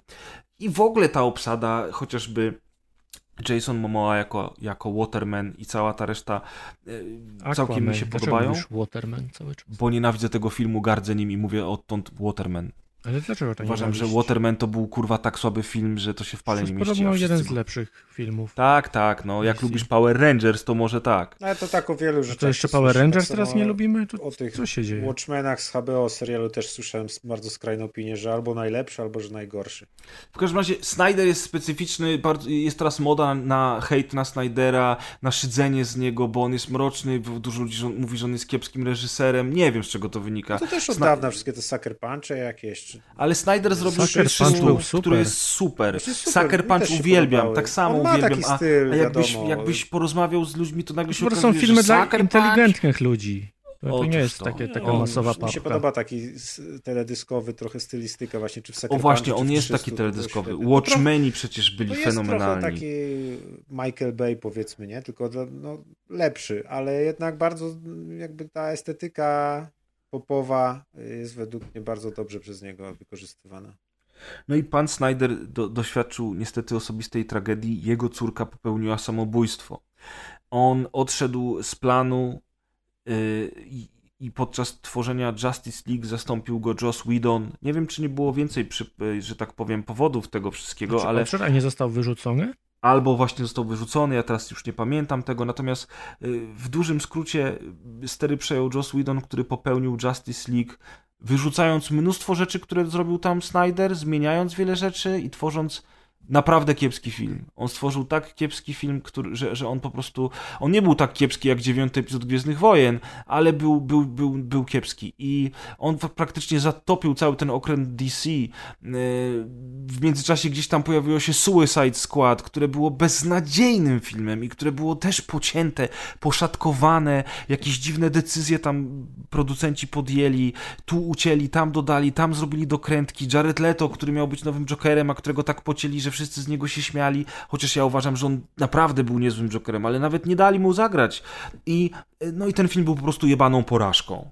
I nagle okazało się, że nagle okazało się, że, że to DC tonie, ale pojawiły się takie rzeczy jak jak Shazam, jak Joker. I tak. Co z Shazamem? Shazama obejrzałem ostatnio i... No i super jest. Aha. I Shazam został Okej. bardzo ciepło przyjęty. Okazało się, że w takiej Okej. konwencji trochę bardziej komediowej, z pomysłem na siebie, DC potrafi robić filmy. Po czym był Joker, który, który przecież zgarnął Oscary. Ludzie się, ludzie się podniecali niesamowicie No, nad dla mnie filmem. Joker był genialny, ale też kompletnie bym go nie wpisywał w ogóle w, w żadne właśnie serie DC. Tak, o, tak, bo on nie, nie należy do żadnej serii, on jest spin-offem, No. ktoś zaryzykował, to ryzyko się opłaciło i okazało się, że DC jakby chwyta się tej szalupy ratunkowej, zaczyna wychodzić z powrotem e, nad wodę, co oczywiście wszystkich cieszy, bo wszyscy lubimy komiksy i jest fajnie, oczywiście jeszcze jak nie ma była, ich za dużo. były Ptaki Nocy. To był super Były film. ptaki nocy, one, one były one były ok, Jezus, jakby- Grzegorz. no były ok, no nie mówię, nie że były zgadzamy dzisiaj. bardzo niedobre. No jak to, przecież zgodziliśmy się, że Sucker Punch jest super, a my Okej. jesteśmy No inteligentni. tak. Tak jest. I zadziało się rzecz bardzo ciekawa. Dla mnie to jest w ogóle fenomen popkulturowy. Ja bym bardzo chciał się dowiedzieć więcej na temat tego, jak to się wydarzyło wszystko i jak dużo pandemia miała na to wpływu. Dlatego, że wszyscy siedzimy w domach. Firmy, które robią gry, firmy, które dostarczają internetu, wszystkie firmy elektroniczne plus wszystkie VOD zarabiają takie pieniądze, jakich nigdy nie zarabiały. E, Po prostu off, it's off the roof. Jak bardzo dużo hajsu płynie teraz do tych wszystkich firm. I nagle HBO mówi, słuchaj Snyder, my ci damy 70 baniek, zrobisz sobie te dokrętki i zrobisz taki film, jak chciałeś od początku, bo nie wiem, czy wiecie, że w internecie była teoria na temat tego, że Snyder Cut, czyli ta wersja reż- pierwszego reżysera istnieje, że sceny były nakręcone, ale zostały wyrzucone i, i ludzie y, zrobili taki hashtag, który nazywał się Release the Snyder Cut i walczyli mocno w internecie, czyli wiecie, jak to walka w internecie, zazwyczaj nic nie daje, ale tym razem się udało, walczyli mocno o to, żeby właśnie taka wersja filmu się pojawiła, bo oni bardzo by chcieli ją e, zobaczyć. In Snyder We Trust. No i oczywiście heheszków nie było końca, bo druga strona mówiła, że Snyder jest beznadziejny i w ogóle nie chcemy tego oglądać. Na szczęście Snyder wychodzi obronną ręką i pokazuje ogromnego faka do wszystkich tych, którzy z niego się śmiali, bo udało się zrobić ten film. Okazało się, że było to prawdą, że było bardzo wiele scen uciętych, które już jest, są nakręcone, plus te 70 milionów dolarów pozwoliło na to, żeby dokręcić kolejne sceny. Otrzymaliśmy czterogodzinny film, dostępny tylko na HBO, więc to w ogóle nie weszło do, to w ogóle nie weszło do kin, no bo nie ma jak. E, który miał być trochę miniserią, ale ostatecznie został jednym długim filmem podzielonym na akty, więc po obejrzeniu każdego z tych aktów możecie sobie zrobić spokojnie stop i wrócić do filmu następnego dnia, czy tam dwie godziny później. I ten Justice League jest zupełnie innym filmem. To nie jest film wybitny, oczywiście, że nie, ale jest filmem naprawdę dobrym. Sup- dobrym superbohaterskim kinem, które ogląda się z przyjemnością, które ma teraz dużo więcej sensu niż miało, które ma dużo fajniejszy pomysł na siebie i które po prostu wciąga. Ja obejrzałem ten film na jedno posiedzenie. Na jedno, cztery godziny. Tak bardzo, ta, tak bardzo dobrze się z tym filmem bawiłem. I bardzo się cieszę, że Snyder dostał ym, tę szansę. A nie mówiłeś, że jeszcze nakręcić. godzinka ci została? Nie, jak pisałem do was, że mi została jeszcze godzinka, to pisałem, że strasznie mi się podoba jeszcze godzina przede mną i potem skończyłem już ten film godzinę później i podobało mi się jeszcze bardziej, bo tam jest bardzo fajny epilog, tam jest dużo smaczków, tam jest dużo rzeczy zupełnie inaczej pokazanych, chociażby cała w ogóle walka finałowa jest inaczej pokazana, ma więcej sensu, lepszą akcję, fajniejsze motywy, to wszystko teraz ogląda się po prostu dobrze. Naprawdę dobrze i e, wielka szkoda, że twórcy, i teraz pytanie brzmi, czy oni to robią specjalnie, bo chcą podkręcić hype, czy mówią poważnie, tego nigdy nie wiadomo. Twórcy z Warner Bros. mówią, że nie będzie już Snyder Universe więcej kontynuowanego, nie będzie więcej filmów, że oni już robią reboot Supermana, że kolejnego aktora chcą zwerbować i tak dalej. Ale ten Snyder raz, że pięknie za zamyka tą, tą, tą historię tych paru filmów, z którymi DC miało wielkie problemy i które w sumie były średnio przyjęte. Jest jednym z lepszych filmów w tym DC i też cieszy mnie jako człowieka, że ten facet jako twórca dostał taką szansę, że mógł to zrobić po swojemu, że, że było to dla niego też takim jakby powrotem do normalności po tym, jak stracił swoją córkę. Zresztą ten film jest dedykowany tej córce, na końcu pojawia się napis, że to jest właśnie dla niej, co jest po prostu kurwa miłe, zwłaszcza w tych pojebanych czasach. Eee, I ja uważam, że musicie obejrzeć ten film. Oczywiście tam będą wam ludzie mówić, że to jest pompatyczne. No jest, no bo kino superbohaterskie jest pompatyczne. Że trochę zamroczne, bo coś tam, że Snyder to zawsze robi tak czy srak. No robi, no. Jesteśmy do tego przyzwyczajeni. Faktycznie 4.3 jest dziwnym rozwiązaniem, bo nie wiem, czy wiecie, że on kręcił całość w 4.3, w formacie 4.3, mm. dlatego, że planował wypuścić film w IMAXie. I tylko i wyłącznie pod tym kątem go kręcił. Natomiast Joss Whedon zrobił to normalnie w, w, w formacie szeroko, szerokoekranowym, a tutaj Jack Snyder sobie postanowił, że on wróci do tego 4.3, skoro HBO powiedziało rób pan co chcesz i tak zrobił. I ten film da się obejrzeć w tym formacie. Ja nie ukrywam, że może rzeczywiście, gdyby to był normalny format, to by było lepiej, ale to też nie ja nie wiem, czy byłoby lepiej, bo ja akurat sobie oglądałem porównania konkretnych scen i zupełnie inaczej w tym nowym, w nowym starym kadrowaniu, zupełnie inaczej się je odbiera i, i widać inne rzeczy. I zdecydowanie ładniejsze są te 4 na 3 czy z tym kadrowaniem to no jest w ogóle śmieszna sprawa, bo ludzie właśnie wrzeszczą, że no przecież mam mm, telewizor panoramiczny, to co mam tutaj dwa pasy takie po bokach czarne. Nie? No i tak masz oglądać? dwa pasy, tylko że w innym miejscu. Znaczy, z drugiej strony y, y, można sobie wyobrazić też, że to jest wersja panoramiczna z dodanym jeszcze na górze i na dole ekranem. Mhm. Czyli nie, że on ci przyciął dwa pasy po bokach, tylko dodał na górze i na dole, więc wiesz, ci, którzy mówią, że jest odcięte, można im powiedzieć, że to nie jest odcięte, tylko jest dodane jeszcze na górze i na dole, ale ja no mimo wszystko jednak właśnie też trochę tego nie rozumiem, bo skoro nakręcił w 4 na 3 żeby było jakby więcej widać, no to mógł też jeszcze dodać to po bokach, nie? Czy coś. To jest takie... No ale zmienia się wtedy... Wiesz, do, dodajesz po bokach rzeczy, które nie są ważne w danym kadrze i znowu no, psuje tak, się cały zamysł. No, tak samo jak zdjęcia na Instagramie są kwadratowe z jakiegoś powodu, nie? I też się stworzyło całe, spopularyzował Instagram bardzo kadr kwadratowy. Ja akurat nie rozumiem tego krzyku. No, miał ochotę tak to zrobić, tak to zrobił. No tak jak, nie wiem, wersja Mad Maxa była ta czarno-biała, czy też Czerni i, bieli, inne filmy są też takie. Ale, ale przecież y, latarnia, o której dzisiaj wspominałeś, The Lighthouse, jest w 4.3 i do no, tego jest czarno-biała, tak, nie? Tak. I tam nikt nic nie mówił, bo y, kino artystyczne, mm, o, wiesz, ile, a teraz ile osób o, się Zack interesowało to... Lighthouse'em, a ile się tak. fapuje na Snydera. No nie, Dla mnie to jest taki sam no... zabieg, jak, nie wiem, jak to, jak Baby Driver jest zmontowany z muzyką na przykład. No. Nie, tak, wiadomo, to jest takie. No, tylko, no, Dzięki temu ten film też jest wyjątkowy, też więcej o nim osób mówiło. Ja trzymam kciuki, bo jestem niesamowicie miło zaskoczony tym, że ten film mi się tak spodobał. Mam ochotę teraz na więcej DC. E, trzymam kciuki, że HBO tyle dostanie nowych subskrybentów przez ten film, że dzięki temu uzna, słuchaj Snyder, a może byś zrobił miniserial na przykład, albo jeden film telewizyjny dla nas, żeby zakończyć tą historię, bo niestety, i tutaj jest, tutaj jest duże ale, epilog bardzo mocno sugeruje, że tam jest pomysł na dużo więcej. On był od samego początku. Ten pomysł na dużo więcej pojawia się już w Batman vs. Superman. To nie jest tak, że to jest nowość, że oni teraz to zrobili. Więc być może Snyder po prostu powiedział, słuchajcie, zróbmy tak, jak chciałem od początku, trudno, że nie będzie kontynuacji, ale być może oni uznali, że słuchajcie, a może ta kontynuacja zachęci producentów do tego, żeby jednak ją zrobić, mimo tego, że teraz Warner Bros. mówi, że już nic więcej od Snydera nie będziemy robić, to DC jest martwe, robimy nowe DC. Yy, I to jest dziwny zabieg, bo jeżeli nic więcej nie będzie, to aż szkoda, że oni teasują to więcej, bo to więcej jest tak super, kurwa, że ja już bym teraz chciał je obejrzeć. Fajnie, że Jared Leto dostał kolejną chwilę, żebyś pojawić się jako Joker.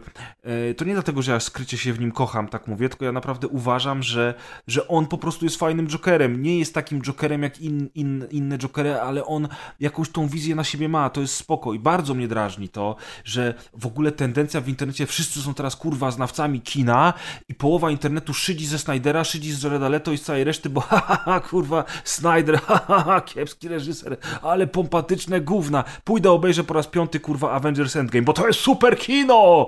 Wiesz, no proszę cię. I niestety zgubiłem się w tym, co chciałem Dlatego powiedzieć, bo się nie warto znowu. za dużo zagłębiać w te Twittery wszystkie i te Tak, rzeczy, dokładnie, bo, bo wiesz, takie... jechali po nim, jechali, szydzili miesiąc jeszcze do premiery, oni wszyscy już skreślili ten film. Gówno totalne. A na szczęście co cię interesuje okazuje... opinie ludzi, których w życiu nigdy nie zobaczysz i nie znasz ich, bo są na drugim Nie interesują mnie, ale ten troszeczkę mi po prostu przykro. Tam znajomych to sobie możesz posłuchać, ale jak ktoś tam gdzieś hejtuje w Brazylii, to co cię to interesuje? Ze znajomymi jest tak, że większość, która obejrzała do tej pory film, była zadowolona i ludziom się to podoba.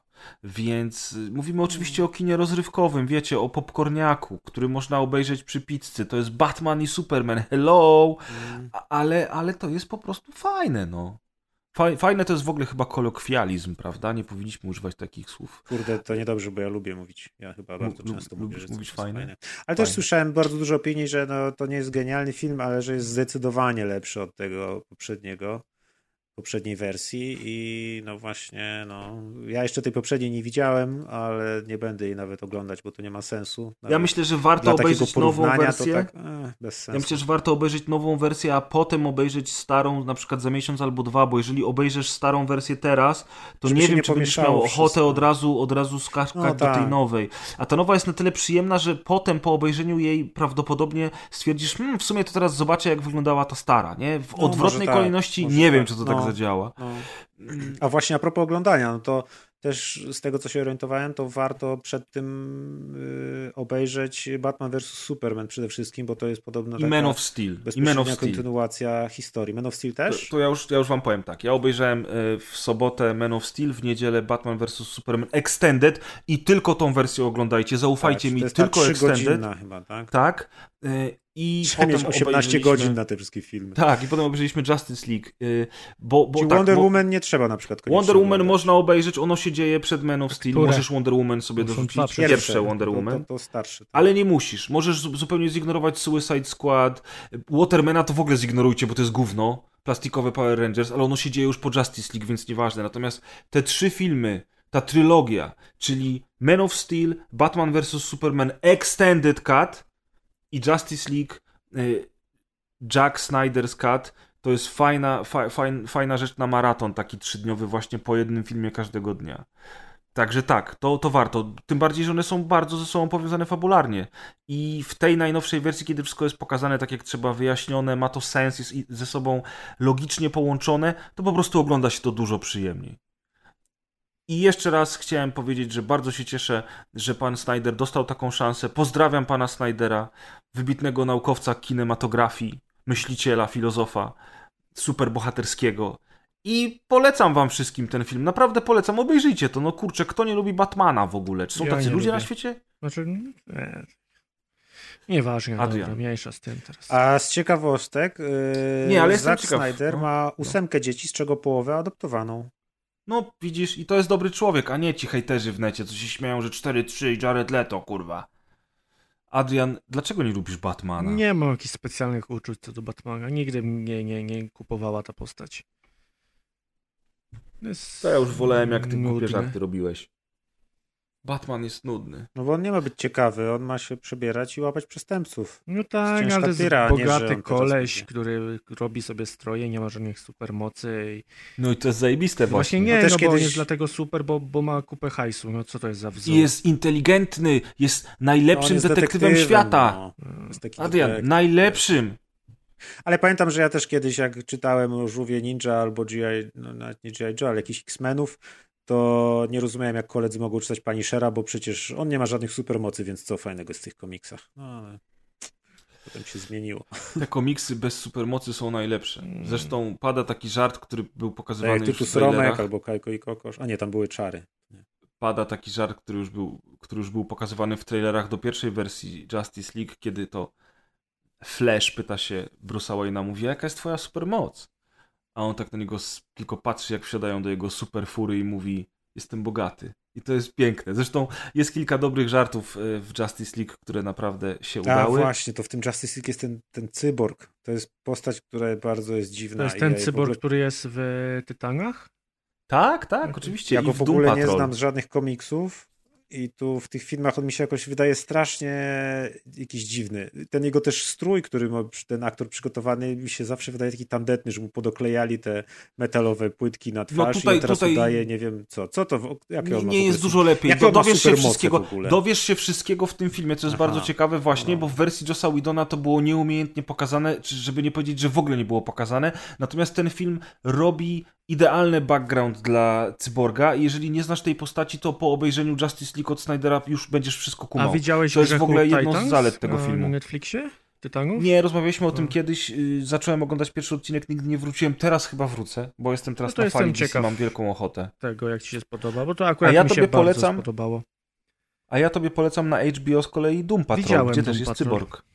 Piękny, prawda? Super. Musiałbym obejrzeć jeszcze Piękny. raz finałowy odcinek, bo nic nie zrozumiałem, ale to jest taki serial, że, Tak, to jest taki trzeba serial, się skupić bardzo mocno na tym, co, co pokazuje. Tak, więc jak macie HBO albo wykupiliście sobie teraz na miesiąc, żeby zobaczyć Justice League, to koniecznie zobaczcie właśnie Doom Patrol, ale też jest serial Swamp Thing. Swamp Thing również należy do DC, tylko niestety ze Swamp Thing jest taki problem, że oni mieli bardzo dużo pieniędzy, które przeznaczyli na pierwszy sezon, dostali wsparcie od miasta, chyba to było miasto Atlanty, oni tam chyba kręcili, ale ktoś był jebanym idiotą i źle zrozumiał układ z miastem i myślał, że dostali 3 miliony dolarów na każdy odcinek, a oni dostali 3 miliony do- dolarów na cały sezon. W związku z czym poszedł taki budżet w ten serial, że po prostu studio zaraz po emisji pierwszych dwóch czy trzech odcinków powiedziało, że drugiego sezonu nie będzie, a wielka szkoda i też znowu, kto w Warner Bros. podejmuje decyzję, naprawdę chciałbym się dowiedzieć, bo okazało się, że serial nie dość, że był mega dobrze oceniany, to jeszcze był bardzo popularny wśród ogl- oglądających, no ale niestety y, powstał tylko jeden sezon. Ja, ale jak już będziecie na fali DC, to, to polecam, zobaczcie Ja pamiętam również. Swamp Thing taki film, ale to był chyba z lat 80. Z takim trochę mnie, wtedy chyba byłem dzieckiem, jak gdzieś widziałem jakieś urywki pewnie na kablówce zagranicznej, no bo trochę był przerażający, bo on miał taki kostium z tych tam jakichś tam bagnistych roślinek i tak się wyłaniał z tej wody i to takie trochę straszne było, ale pamiętam go jeszcze z dzieciństwa. scary. No. Jak już jesteśmy przy komiksach, No. to ja tylko się pochwalę, że kupiłem sobie I Kill Giants ostatnio, ale jeszcze nie przeczytałem. Właśnie, na, jakim, y, y, na jakiej platformie mam, mam to obejrzeć, na Adrian? Netflixie. Na Netflixie. Okej. Okej, to jak już przestanę oglądać y, Batmany, to, to obejrzę. Bo nie wiem, czy wiecie, że jest też animowane uniwersum filmowe DC. DC robi filmy animowane od lat 90. S- Są takie klasyki jak Batman Mask of the Phantasm chociażby. Y, I cała seria oczywiście animowana Batmana, którą wszyscy kojarzymy z dzieciństwa, ale też bardzo, bardzo dużo filmów animowanych takich pełnometrażowych. Y, Bardzo dużo z nich po, po, powstało na podstawie komiksów, więc jest i Killing Joke, jest Return of the Dark Knight, jest Batman Hush i wiele innych, ale spośród nich wszystkich jest grupa kilkunastu filmów, które opowiadają spójną historię, które są jakby uniwersum filmowym animowanym e, w DC i które są bardzo chwalone. I oczywiście w Google, jak sobie wpiszecie, to na Wikipedii jest cała lista tych filmów i chronologia, e, jak je oglądać. Problem niestety, niestety, niestety jest tego typu, że nie ma całej serii tych filmów na żadnym VOD. Na HBO jest coś tam, na Chili jest coś tam, na Apple TV jest coś tam, więc ciężko uzbierać te wszystkie kilkanaście filmów, a szkoda, bo ja jeszcze nie widziałem, e, od razu mówię, ale słyszałem same dobre rzeczy o tym. Także Batmanów macie teraz do oglądania na cały rok. No ja tu widzę, że w tym filmie I Kill Giants gra Zoe Saldana i Morgan Putz. To są znane aktorki? To chyba muszę obejrzeć. No, mi są znane. Zoe Saldana Atku grała m.in. w Guardians of Galaxy. Tą zieloną. A, okej, ale wydaje mi się, że tobie Maciek się akurat film nie spodoba. Mam takie wrażenie. No pewnie Chociaż nie, bo to nie jakieś wiem. takie dla dzieci, nie? Taka bajka. Nie, nie, właśnie nie. Nie? Właśnie ma dorosłych trailer. poważny dramat. Tak, tak. Właśnie trailer ma zupełnie Ja nieadekwatny lubię do dramaty tego. dla dorosłych. To nie, to, to faktycznie zobacz. Obaj zobaczcie, jestem ciekaw waszych opinii. Dobra. Może ja sobie zrobię przerwę od DC i nawet dzisiaj obejrzę No, I Kill zobacz Giants. sobie. Chyba tak Wczoraj zrobię. obejrzyj, to będzie już miał jeden dzień wolnego. Właśnie, tylko że jak w poniedziałek, to już będzie za późno wtedy, No. nie? Bo, bo, bo, bo, bo to było Tak, bo to wczoraj, było w wczoraj. niedzielę był ten stream. Tak. Tak. Ojej, myślałem, że skończymy w dwie godziny, a przeciągnąłeś tymi Już filmami. Kończymy. No przepraszam, najmocniej, naprawdę, przepraszam. Naprawdę, no nie po to się spotykamy, żebyś ty Kończymy- się mógł wygadać tutaj o, o tym, co Tak. to widziałeś ostatnio. w każdym razie dziękuję Wam, ko- kochani przyjaciele, za kolejne udane spotkanie w gronie naszym tutaj naukowym i za tą całą wiedzę, którą się podzieliliście nie tylko ze mną, ale również ze słuchaczami. Pamiętajcie o Retrostrzale, obejrzyjcie sobie ten, ten, ten materiał, który razem z Szymonem stworzyłem. Pamiętajcie o streamie Adriana i Psawła tylko nie w poniedziałek, bo wtedy już będzie za późno. I Kubara i, i, i Jezus. I Muradina. Jezus też będzie? I Muradina. Z tym Kubarem to tak wiecie, tak, tak, nie do końca. na, nie? Bo dwoje tutaj babka to- wróżyła, nie? Że to nie będzie Pamiętajcie taki o tym kolega, hashtagu. a, a później... Murem za Atkiem, hashtag murem za Atkiem, Yy, pamiętajcie. I weekend dla rozgrywki tylko i wyłącznie, nie dla innych podcastów. Tak jest. E, I to by było na tyle. Także dziękujemy serdecznie. Bardzo było nam miło Mm, i do następnego. pa. Do usłyszenia. Ja bym jeszcze chciał tutaj prosić was panowie, żebyście zostawili mnie na chwilę ze słuchaczami sam na sam, bo jedną rzecz musimy sobie wyjaśnić i, e, i wolałbym po prostu, wiecie, tak. Tak A nie będę musiał tego montować ekstra potem. Nie, bo to leci na mojej ścieżce po prostu. To okej. po prostu moją wyłączam i baw się. Dobra. No nie chciałbym tutaj tak, wiecie, robić, że, że robię to za waszymi plecami, ale, ale jednak tak właśnie zrobię, więc, e, więc... E... Kochani słuchacze, jak pewnie zauważyliście, Adrian z Maćkiem e, byli dzisiaj dosyć nietypowi. A typowi są zawsze, ale byli nietypowi dosyć, prawda? Tacy spokojni, troszeczkę, troszeczkę stonowani, bez tych wszystkich heheszków, śmieszków i żartów. Stało się tak dlatego, że e, pojawiły się pewne komentarze, które mówiły o tym, że po odejściu naszego przyjaciela Piotra Kuldanka równowaga na podcaście została zachwiana, ponieważ ja i Piotr to te osoby y, takie merytoryczne, elokwentne, inteligentne, zabawne, wiecie, oczytane i w ogóle zapoznane z popkulturą, których słucha się bardzo dobrze. Natomiast Maciek z Atkiem to po prostu Maciek z Atkiem. No i w momencie, w którym, w którym e, Kuldana niestety zabrakło, to zrobił się pewien taki dysonans, ponieważ no, brakuje tej przeciwwagi do Maćka z Atkiem, czyli, czyli mamy te mądre, elokwentne, wybitne rzeczy, które padają z moich ust, no i jest Maciek z Atkiem, prawda? No i rzeczywiście takie komentarze się pojawiły, w związku z czym e, panowie postanowili trochę bardziej na poważnie Zobaczymy jak to wyjdzie. Ja, ja powiem szczerze, że już dawno temu z Kuldanem rozmawialiśmy na temat tego, czy nie zastąpić by Atka z Maćkiem kimś bardziej pasującym, pasującym do programu, kimś bardziej na poziomie. Myśleliśmy między innymi o siostrach Godlewskich i o Adamie Małyszu. Da, wyszło jak wyszło, wiecie. Także musicie, musicie chłopców ścierpieć jeszcze trochę. Jak widzicie, obiecali poprawę, postanowili podchodzić bardziej merytorycznie i naukowo do tematu i, i, i, nie wiem co więcej powiedzieć, więc... że myśmy wytrzymali ponad dwie godziny. No. Topa, trzymajcie się.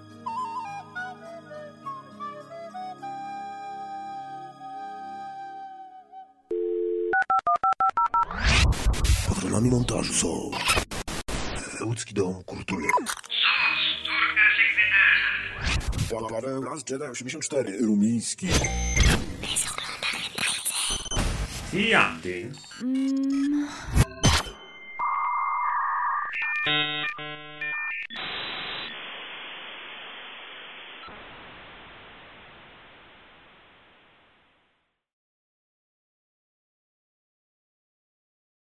Wytniesz go, nie?